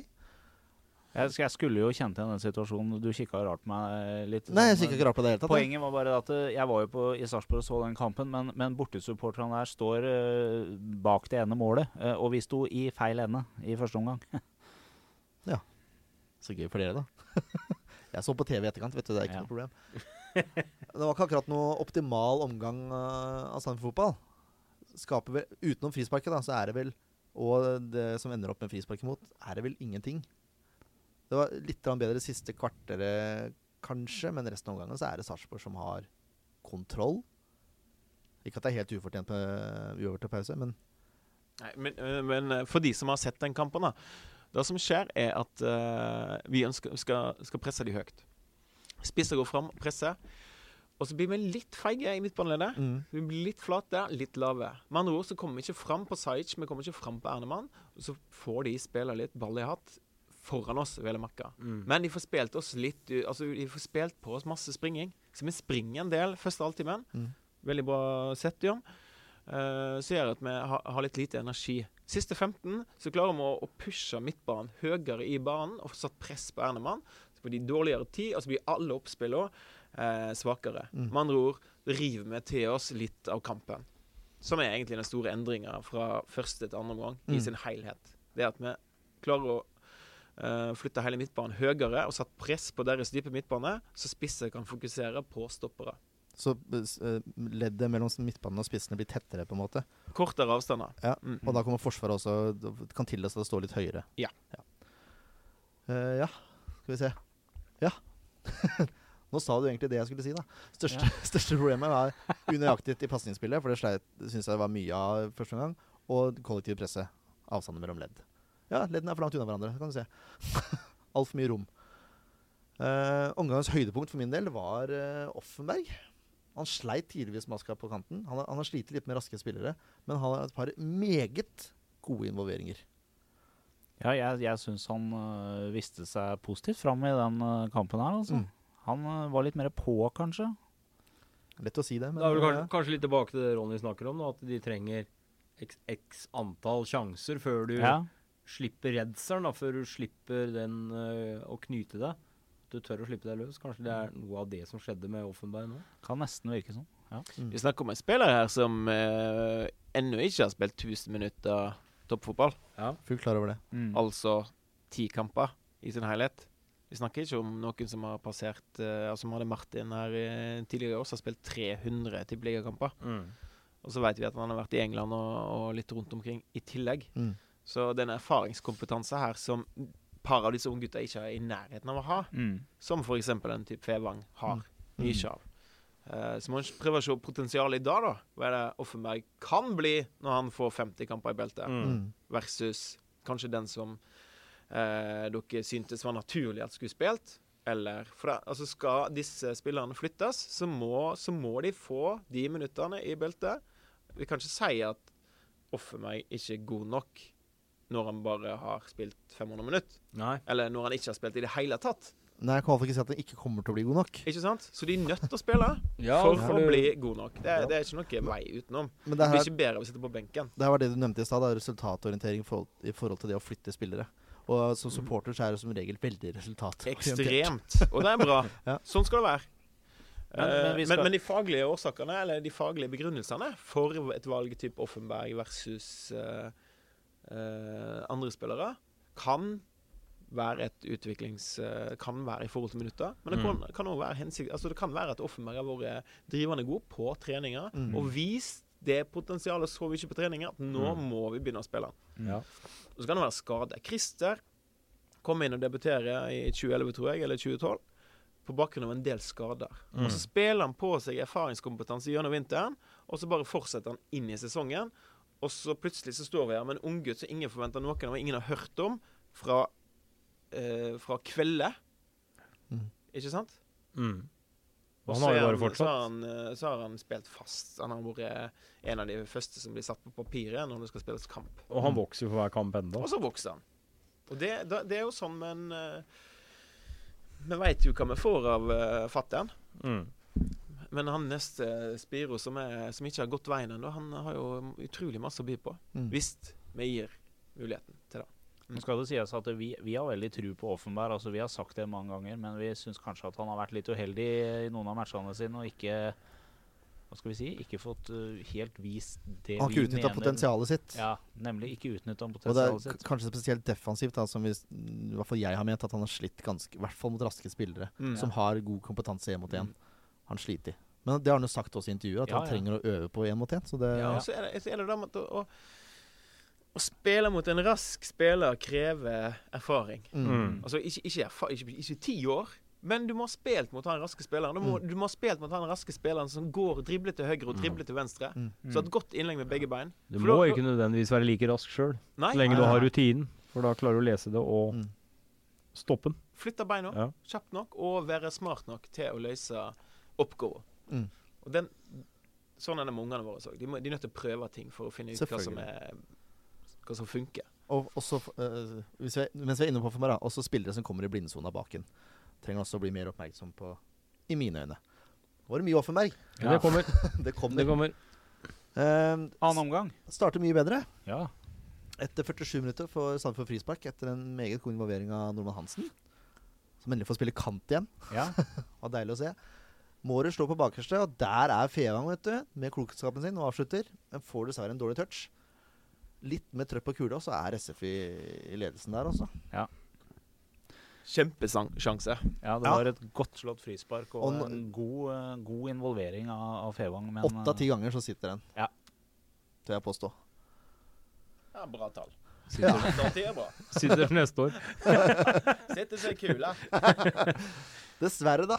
Som så mange ganger før eh, den sesongen her, så er det det motsatte som skjer. Altså SF eh, kommer til å ligge under snart. Eh, Kachi som blir spilt gjennom Offenberg er litt på etterskudd. Blir litt lett dratt av. Og så blir ballen smelt i nettaket. Det var Fantastisk avslutning, da. Det skal han ha. Minner meg litt om den uh, skåringa til Ungarn i går, egentlig. Bare at uh, Offenberg var aleine. Han hadde ikke noe noen andre forsvarer der. Det hadde jo for så vidt ikke Tok hverandre ut der i går. Ja. Uansett.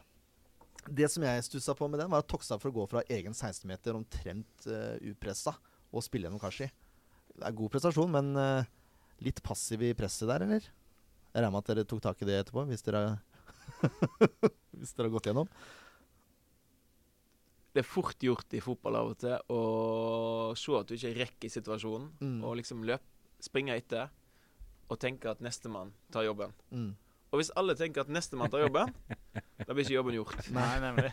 Så når du har muligheten til å gjøre jobben, gjør det skikkelig. Ja. Fei den. Der ville Lars sagt at det er billig, vi er for snille. Mm. Mm. Førstemann som var i nærheten av å kunne gjøre en skikkelig jobb, feier den Ja. Ja. Ta et gult. ja, helt enig. Og det, det er litt sånn forskjell på Eller det beskriver litt av bildet som kanskje Lars har sagt eh, noen ganger, da. At vi, at vi og i garderoben òg. At vi kan være litt snille, eller at vi er litt uh... Lite kyniske. Mm. Det blir, jo, det blir jo på en måte I den situasjonen her så blir det en sånn derre hva, Jeg nevnte det til Odd-kampen. Første målet til Odd der også er en sånn effekt at eh, det er førsteforsvarer som ikke klarer å komme opp i godt nok. Det, det er et skje som sklir, da, men det har en effekt på resten av presset. Ja. Fordi man er alltid på etterskudd. Ja. Det samme, det samme skjer jo her, da. Mm. Men det tar jo heldigvis bare fem minutter før uh, utligning kommer. Det er Celine som er på evig jakt. Ender opp med å stresse keeper og forsvarsspiller noe helt voldsomt. Og har en tå på ballen. Det var, klarte ikke kommentatoren å se. Det er jo helt utrolig, men det er jo en annen sak. Uh, som gjør at han, han, han skyter ballen i kassa på keeper. Får returen tilbake igjen. Keeper krasjer med forsvarsspillere er ute av spill, og han kan bare trille den i mål. Mm. Det er sånn uh, Er et mål som definerer Kjella litt, egentlig. Sånn skikkelig arbeidsmål. Ja, det er jo det. Han, han, han gir seg liksom ikke. Han OK, første skuddet blir ikke noe. Men han er der fremdeles og utnytter returen og Ja. Utligning. Deilig. Ja, utrolig deilig for Kjell Mm. å få, få den skåringa på tampen av sesongen. Alltid viktig for spissa skåremål. Ja, litt viktig Uansett for hvordan de ser ut, egentlig. Ja. Drit opp i hvordan målet ser Mål er ut. mål. Ja, mål er jo det. Det er viktig for å ha med seg over vinteren òg. Ikke sant? Mm. Ja. Men det er, sånn type, det, er, det er sånne baller som Celine jager veldig mye, da. Og som det sjelden kommer ut av. Men når det endelig skjer, så må det være utrolig deilig. Du vet Viktig at innsatsen teller. stjele sånne mål. Ja. Perfekt. Men det er litt sånn som Søderlund nå, da. Rosenborg. Og så jage, jage, jage, jage hele tida. Mm. Resulterer jo i mål. Ja. Det er jo ikke bare, det er ikke bare jagemål Søderlund har, men han har en del jagemål. Som han får rett og slett pga. at han, han presser Han gir seg ikke. høyt. Nei, han gir seg ikke. Snakker om spisskompetanse, men, men motoren til Celine må jo også være en, en av spisskompetansen hans, i tillegg til farta. Syns han sta... Altså, Kjell har en kjempe, kjempe, kjempemotor Ja. og, og fart. Er, en, det er ikke en veldig vanlig kombinasjon å være eh, så sterk i tillegg. Han er en sterk spiller. Han er kjapp. Bra kapasitet, og her snakker vi om at han har stjålet et mål. Mm. Men det presset som eh, en type som Celina kan sette på motstander, gjør jo at motstanderen blir stressa. Mm. Eh, og da stresser du fram feil. Så kanskje Kjella stresser motspiller til å gjøre feil, men det er ikke alltid han som vinner ballen. Nei. Nei. Det er andre som får gevinsten av presset til f.eks. Kjella. Mm. Chea, for eksempel. I den hjemmekampen som uh, husker ikke hvem det var mot det. Var det Start? Det var Start. Start, ja. Kjella mener han stjeler målet, men det er en annen sak. Eh, 62 minutter har kommet nå. Kjempesjanse for uh, Sarpsborg. Rett etter avspark. Tokstad kommer gjennom og runder busk. Blir forstyrret. Kanskje får ballen og prøver å avslutte. Men der er Offenberg, vet du. Ja. Leser spillet. Avverger. Og så hopper vi til det 87. minutt, hvor uh, Sarpsborg er nære med, med et skudd i stolpen etter hælspark. Og så 89. minutt. Kjella. Mjelde spiller ball til Kurtovic, som finner Kjella på bakre.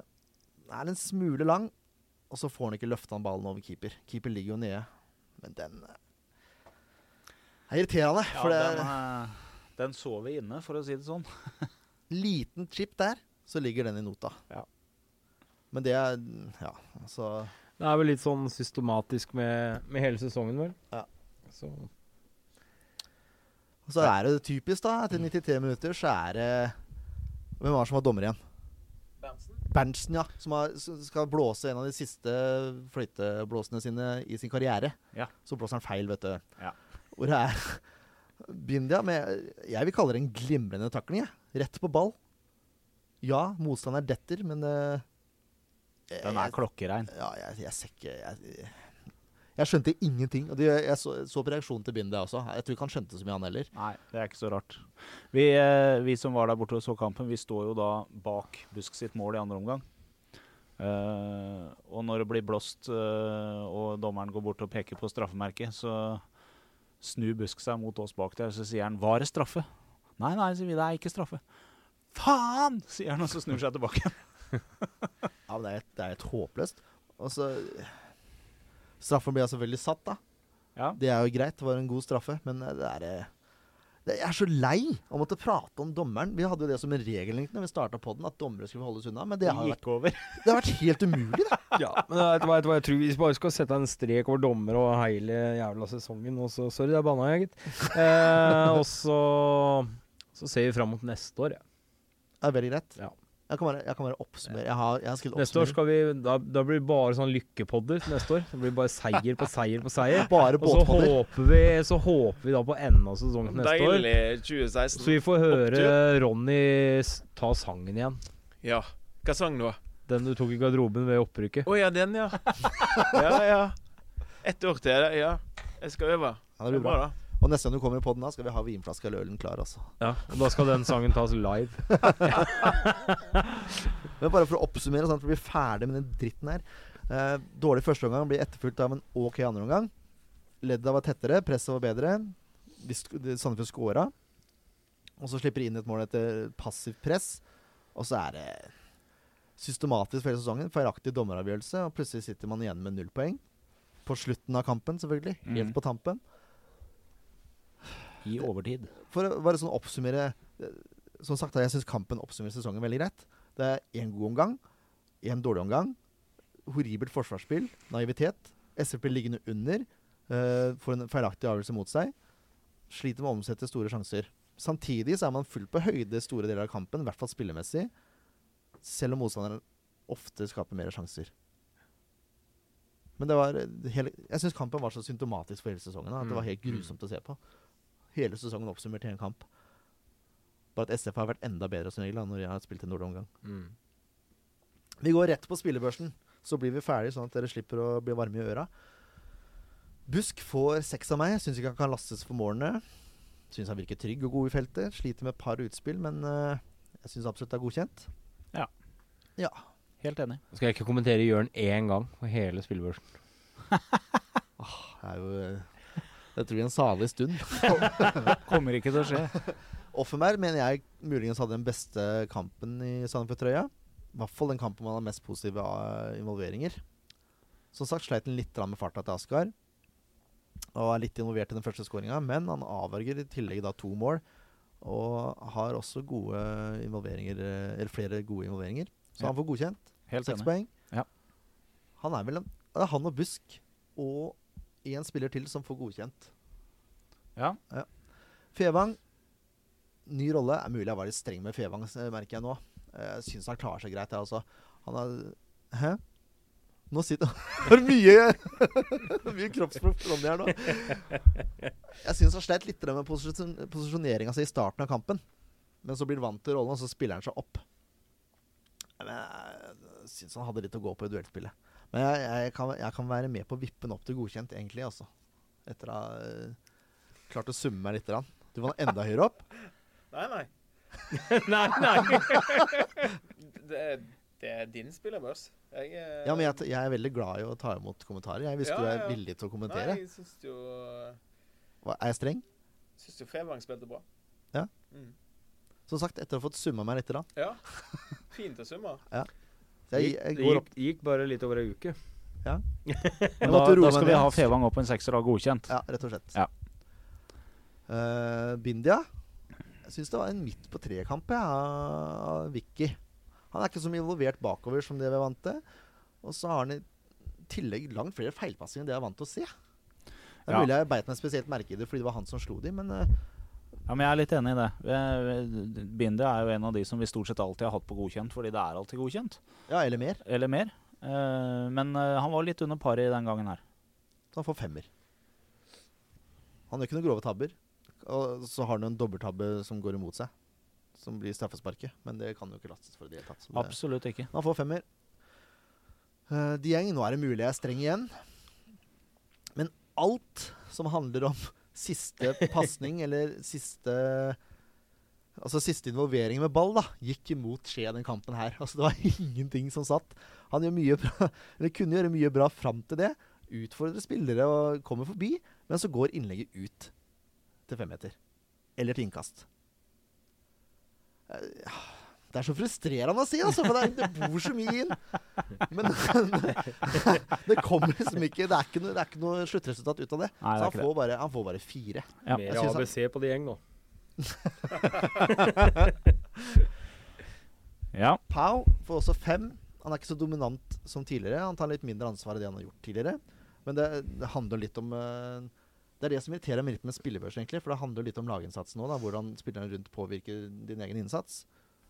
Eh, Ja, men Det som jeg kan, tror jeg kanskje er litt fort å glemme med Pau Han, har- han har ikke vært med så lenge i SF, han heller. Han er, han er bare 19 år. Ja. Litt vanskelig å se han er 19 år når han er fra Spania. Eh, men han er bare 19 år og vil variere, han òg. Selvfølgelig. Selvfølgelig må man uh, hadde en kjempekamp mot Odd. og jeg vil nok tro at du får se flere av de til neste år, men du vil også oppleve kamper hvor han, uh, hvor han ikke presterer. Men jeg, jeg syns at uh, Pau viser litt sånn uh, vi kaller det litt Bindia-takter innimellom. Han er, han er litt overalt. Han er Han jobber veldig iherdig og, og kan gjøre ting eh, i sin egen rolle og helt andre steder enn det han skulle vært i forhold til systemet, og, og som er positive. Uh, så jeg syns han er litt sånn Han er litt sånn allsidigheten, sånn som vi har sett hos Bindia en del ganger, hvor han han er veldig mye involvert, selv om det kanskje ikke var den beste kampen hans. Så er han veldig mye involvert i, i masse av det som skjer. Jeg, jeg bare syns ikke han får brukt de spisskompetansene hans, da. Syns ikke han får brukt det nok Jeg er enig i i det. den kampen her. Enig i det. Samtidig så er han, er han ikke helt ute å kjøre i presset. Altså, til å være så li han er veldig kompakt, er han ikke det? Han er ganske sterk i kroppen til å være Han ser veldig lita ut. Ja. Lita? Ja. Lita? Ja. lita. Jeg liker å bruke det uttrykket. Nei, men det er helt riktig. Han er en kompakt, uh, kompakt spanjol. Ja. Mm. Lavt tyngdepunkt og virker sterk i kroppen. rett og slett. Mm. Riktig. Han er ikke redd for å gå inn i en takling, og det Det er vi. Men han får fem. Pedersen får også fem.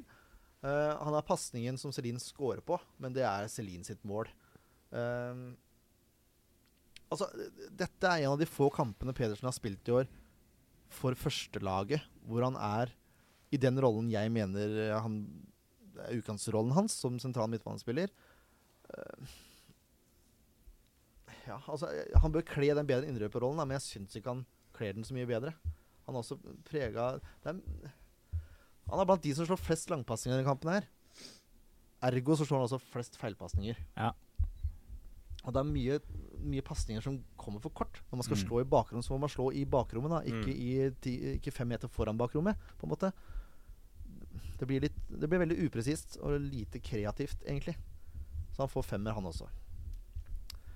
Mjelde fem. Gjør ikke mye gærent, men han skaper heller ingenting av betydning.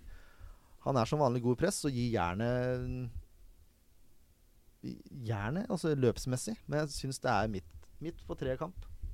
Ja. Rett og slett. Femmer. Norman Hansen vipper egentlig på godkjent, men heller ikke han skaper noe spesielt av betydning. Han har det innlegget hvor uh, Celine blir blåst av. Men det er godt å se ham i en kantrolle igjen, synes jeg, hvor han får utnytta farta til uh, teknikken sin. Ja. Syns han klarer seg greit, men er ikke helt godkjent. Jeg syns du bør skape litt mer som en ving. Og det er jo derfor Dieng fikk fire også, fordi han ikke Mm. skapte noe. Ja.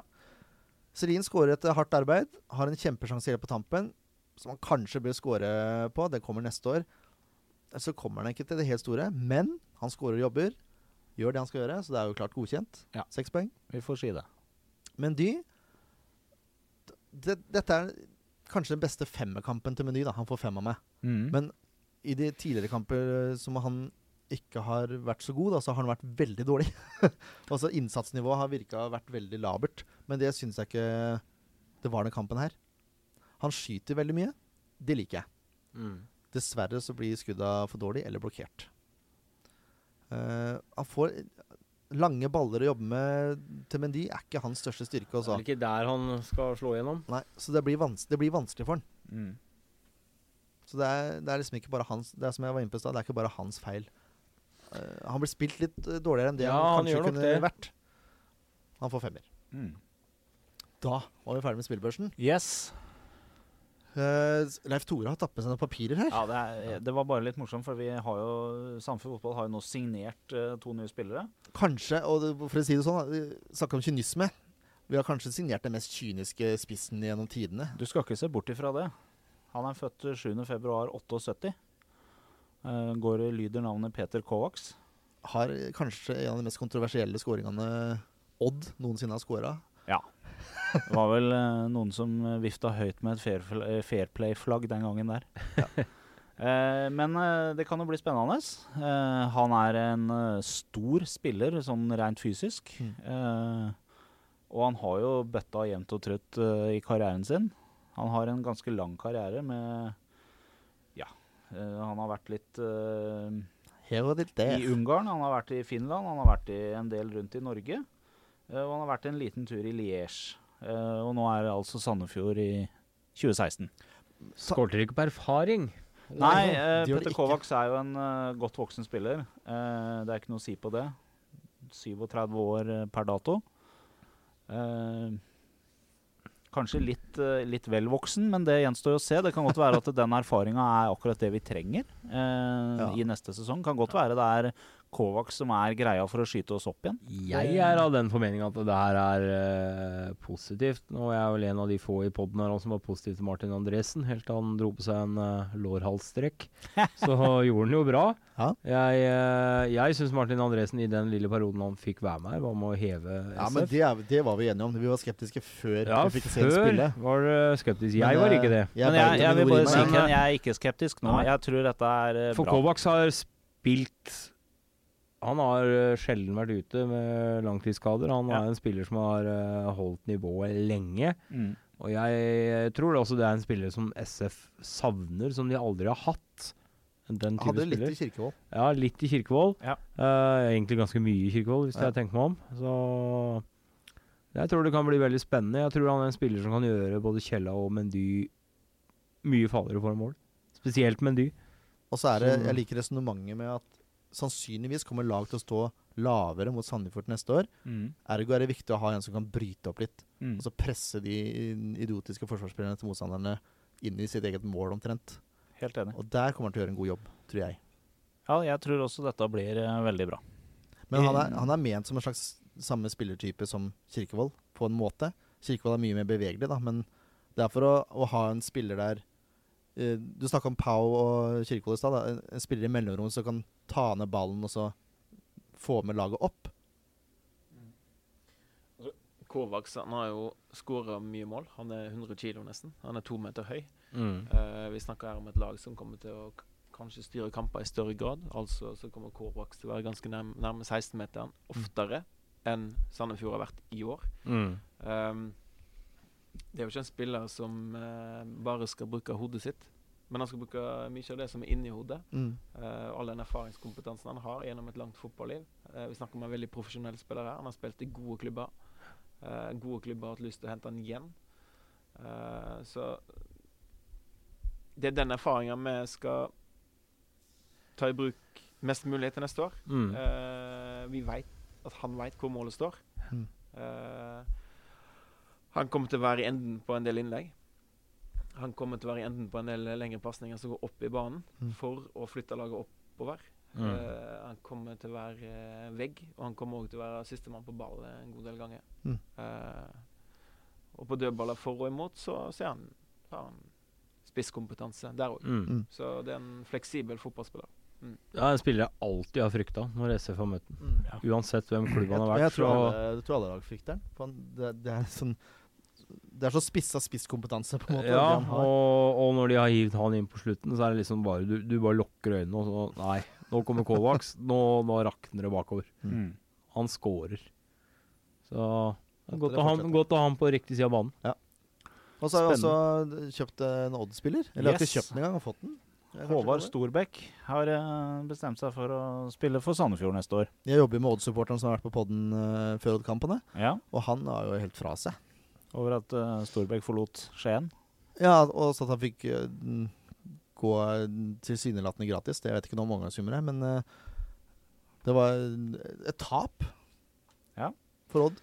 Uh, Storbekk er jo en litt yngre spiller enn Kovacs. Han er en 86-modell.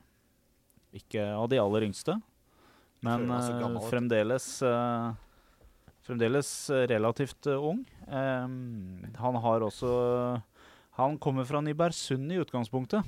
Mm. Trysling. Hedmarking. Eh, Hel ved, som Bohinen kaller den. Hel ved, ja.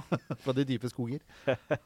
Han har vært eh, en tur innom mot Grenland etter Nybergsund. En liten runde i Haugesund og tilbake i Odd. Og nå Sandefjord. Men det er en klasse Altså det er en spiller som går rett inn på laget i kanskje enda større grad enn Kovac, eller? Altså, begge spillerne er tenkt for å spille mye førstelagsfotball. Ja. Mm. Uh, vi snakker òg om en midtbanespiller her som er vant til å skåre mål, Mm. og veit hvor målet står. Ja. Uh, God på frispark. Blant annet. Uh, Håvard er Han er jo ikke 30 ennå. Han er storløpskapasitet. Mm. Han har spilt på et av de beste lagene i Norge i, i to-tre siste sesongene. Så egentlig en perfekt alder i forhold til den miksen vi har i SF per i dag. Mm. Så jeg ser fram til at han uh, blir en del av treningsgruppa. Og det må, det må sies om begge de to gutta der. De, de, dere ser dem på søndagen, men de, men de gjør en jobb fra mandag til lørdag. Ja, det, er Mm. som- det er som er, Det det. er en profesjonalitet i det bildet som ja. ja. Uh, vi har sett det på Mjelde i år, vi har sett det på Fevang i år. Det er viktige spillere, ikke minst for spillerutviklinga i Mhm. klubben. Mm. Spennende. For det har en stor effekt på den yngre generasjon. Jo bedre de spillerne, bedre de lederne, jo bedre unge spillere vil vi få over tid. Mm. Og så er det Jeg har hørt et lite rykte. Det er en fugl som har kvitra meg i øret om at SF har forhandla med en gammel, gammel kjenning. Han er ikke så gammel, da. Nei. Men uh, uh, han spiller visst i New York. Heter Eirik Holmen Johansen. Sto i mål for oss i 14-sesongen. Mhm. En relativt god SF-sesong, kan man ikke kalle det det? Ja, det kan vi vel si. Uh, den gangen så var det vel et klart ønske fra SV om at han skulle fortsette, men det var noe ugreie med Manchester City i forhold til videre utlån og litt sånne type ting. Mm. Uh, så blei han jo Om han er på utlån i New York eller ikke, det er jeg ikke helt sikker på hvordan det stiller seg. Men eh, Han har kontrakt med de, er det ikke sånn det er? Ja, han har solgt til, til New York. Innbill meg det. Det om det er syns jeg hadde vært veldig gøy om, eh, om vi hadde fått uh, Holmen Johansen tilbake igjen. Mm. Spennende. Jeg Veldig. aner ikke om det stemmer. Jeg vet ikke om det er noe hold i ryktene. Det er kanskje ikke Nei, det er her. et perfekt rykte. Han ble veldig fjær når vi snakka om det her. Nei, men eh, Holmen Johansen, kjempesesong i 2014 for oss. Valgte ikke stå for oss i 2015. Han er fra Vestfold. Selvfølgelig interessant for oss. Ja. det Teiegutt, er er han et ikke fint, det? eh, Jo, fint, det er eh, fint rykte. Absolutt. Så flere fine rykter. Det liker jeg. Yes. Ja, men da har jeg satt et navn på ryktet. Da har vi satt et navn på Det er ryktet. ikke, Så får vi se om det stemmer. det er ikke noe flere rykter. Ikke som jeg har hørt. Eh, jeg regner med det er mange nye, unge spillere fra SFs egen avdeling som kommer til å ha steget opp neste år. Vi har, Flere muligheter. Vi har en god gjeng som er i, i treningsgruppa vår og i treningshverdagen vår, og vi har, eh, det er spillere som banker på døra hele tida. Mm. Det er det. Og de, de får trene i lengre, kortere og lengre opphold eh, egentlig jevnlig. Veldig bra. Det blir spennende. Lover godt for neste sesong. Ja, nå, nå slår vi faktisk Constable-episoden, altså. Vi gjør Hvem det. hadde trodd? Ja, hvem hadde trodd det? Ikke gærent. Vi skal, vi skal avslutte med litt sånn selv, eh, selvinformasjon, å si. Vi fins på Facebook, det vet kanskje dere. Vi trekker ut en trakt, eh, en trakt En drakt En trakt trekker vi ut. Nei da. 500 likes. Vi, er, vi har passert 400 nå. Ja, det har vi. nærmer oss stygt. Jeg tror vi Ja. mangler 78 likes for å kunne trekke ut. Stå har på, eh, folkens. En uke En uke på dere til å nå 500, så kan vi trekke ut i denne sesongen. Hvis ikke så lodder vi inn innad i redaksjonen. Ehm, Finn oss på Facebook, som sagt. Vi er på Twitter. Der har vi mange gode diskusjoner når det lar seg gjøre. det gjør du. har det. Eh, og så er det sånn at vi prøver å utvide konseptet litt. Ja. Og da trenger vi nytt utstyr. Så hvis du vet om noen som vil sponse oss med noen kronasjer, så blir vi blitt veldig glad for det, altså. Jeg har satt eh, tak på 20 000. Da har vi alt vi trenger, og kan holde på i mange, mange, mange, mange år. Så lenge dere vil ha oss her. Uh, ja. SF-podden fremover. Nå kommer vi til å ta en pause veldig snart. Vi skal Ja. ha en sesongavslutningsepisode. Mm. Og vi oppsummerer en relativt trist sesong, egentlig. og så, hvis jeg orker å sette meg ned og redigere, så lager jeg en Best of. Men det som er sikkert, er at vi skal være med på SF Awards. Det skal vi. Og da kommer en uh, spesial fra, fra den seansen. Vi live, da. Ja, vi får se åssen eh, vi rigger oss i stand og sånn. Jeg er redd det blir fuktig. da burde vi må sette aldersgrense på den poden. Fuktig og live, det er en dårlig kombinasjon. Nei, men vi skal, vi skal bortover, alle tre i redaksjonen. Ja. Og det blir eh, spilt inn noe greier der borte. Om det blir én eller to episoder, det gjenstår jo å se. Men eh, det blir, det blir podkastepisoder fra SFO Watch. Stemningsrapport, Stemningsrapport. rett og slett. Ja. Eh, og så til neste år da, så er vi tilbake igjen eh, Vi tenkte kanskje i januar at vi skulle ha en sånn liten sånn overgang med hvilke spillere som har kommet inn. Og Ja. så har vi en ny eh, overgangspod 31. mars. Ja, Eller 1. april. Vi får se stenger. når vinduet stenger. Mm. Eh, og så skulle vi ha en utviklingsspesial, men den har vi hatt i dag. Så det er jo helt perfekt. Yes. To fluer i ett smekk. Men vi, får, vi har en sesongpreview før, altså en liten sånn uh, Se frem mot sesongen før den siste overgangspodden, og så kjører vi fullt i gang igjen når sesongen starter. Yes, det gjør vi. Så nå får dere kose dere med to timer med deilig Ronny-prat. Mm. Tusen takk for at du kom, Ronny. Det var helt strålende. Kjempehyggelig. Tusen takk. det var veldig hyggelig med dere, gutter. ja. Så bra. Takk til deg, Tore. Takk igjen. Jo, Takk, Jørn. Takk like måte. Vi snakkes til uka, så snakkes vi ikke på en stund. Så kos dere.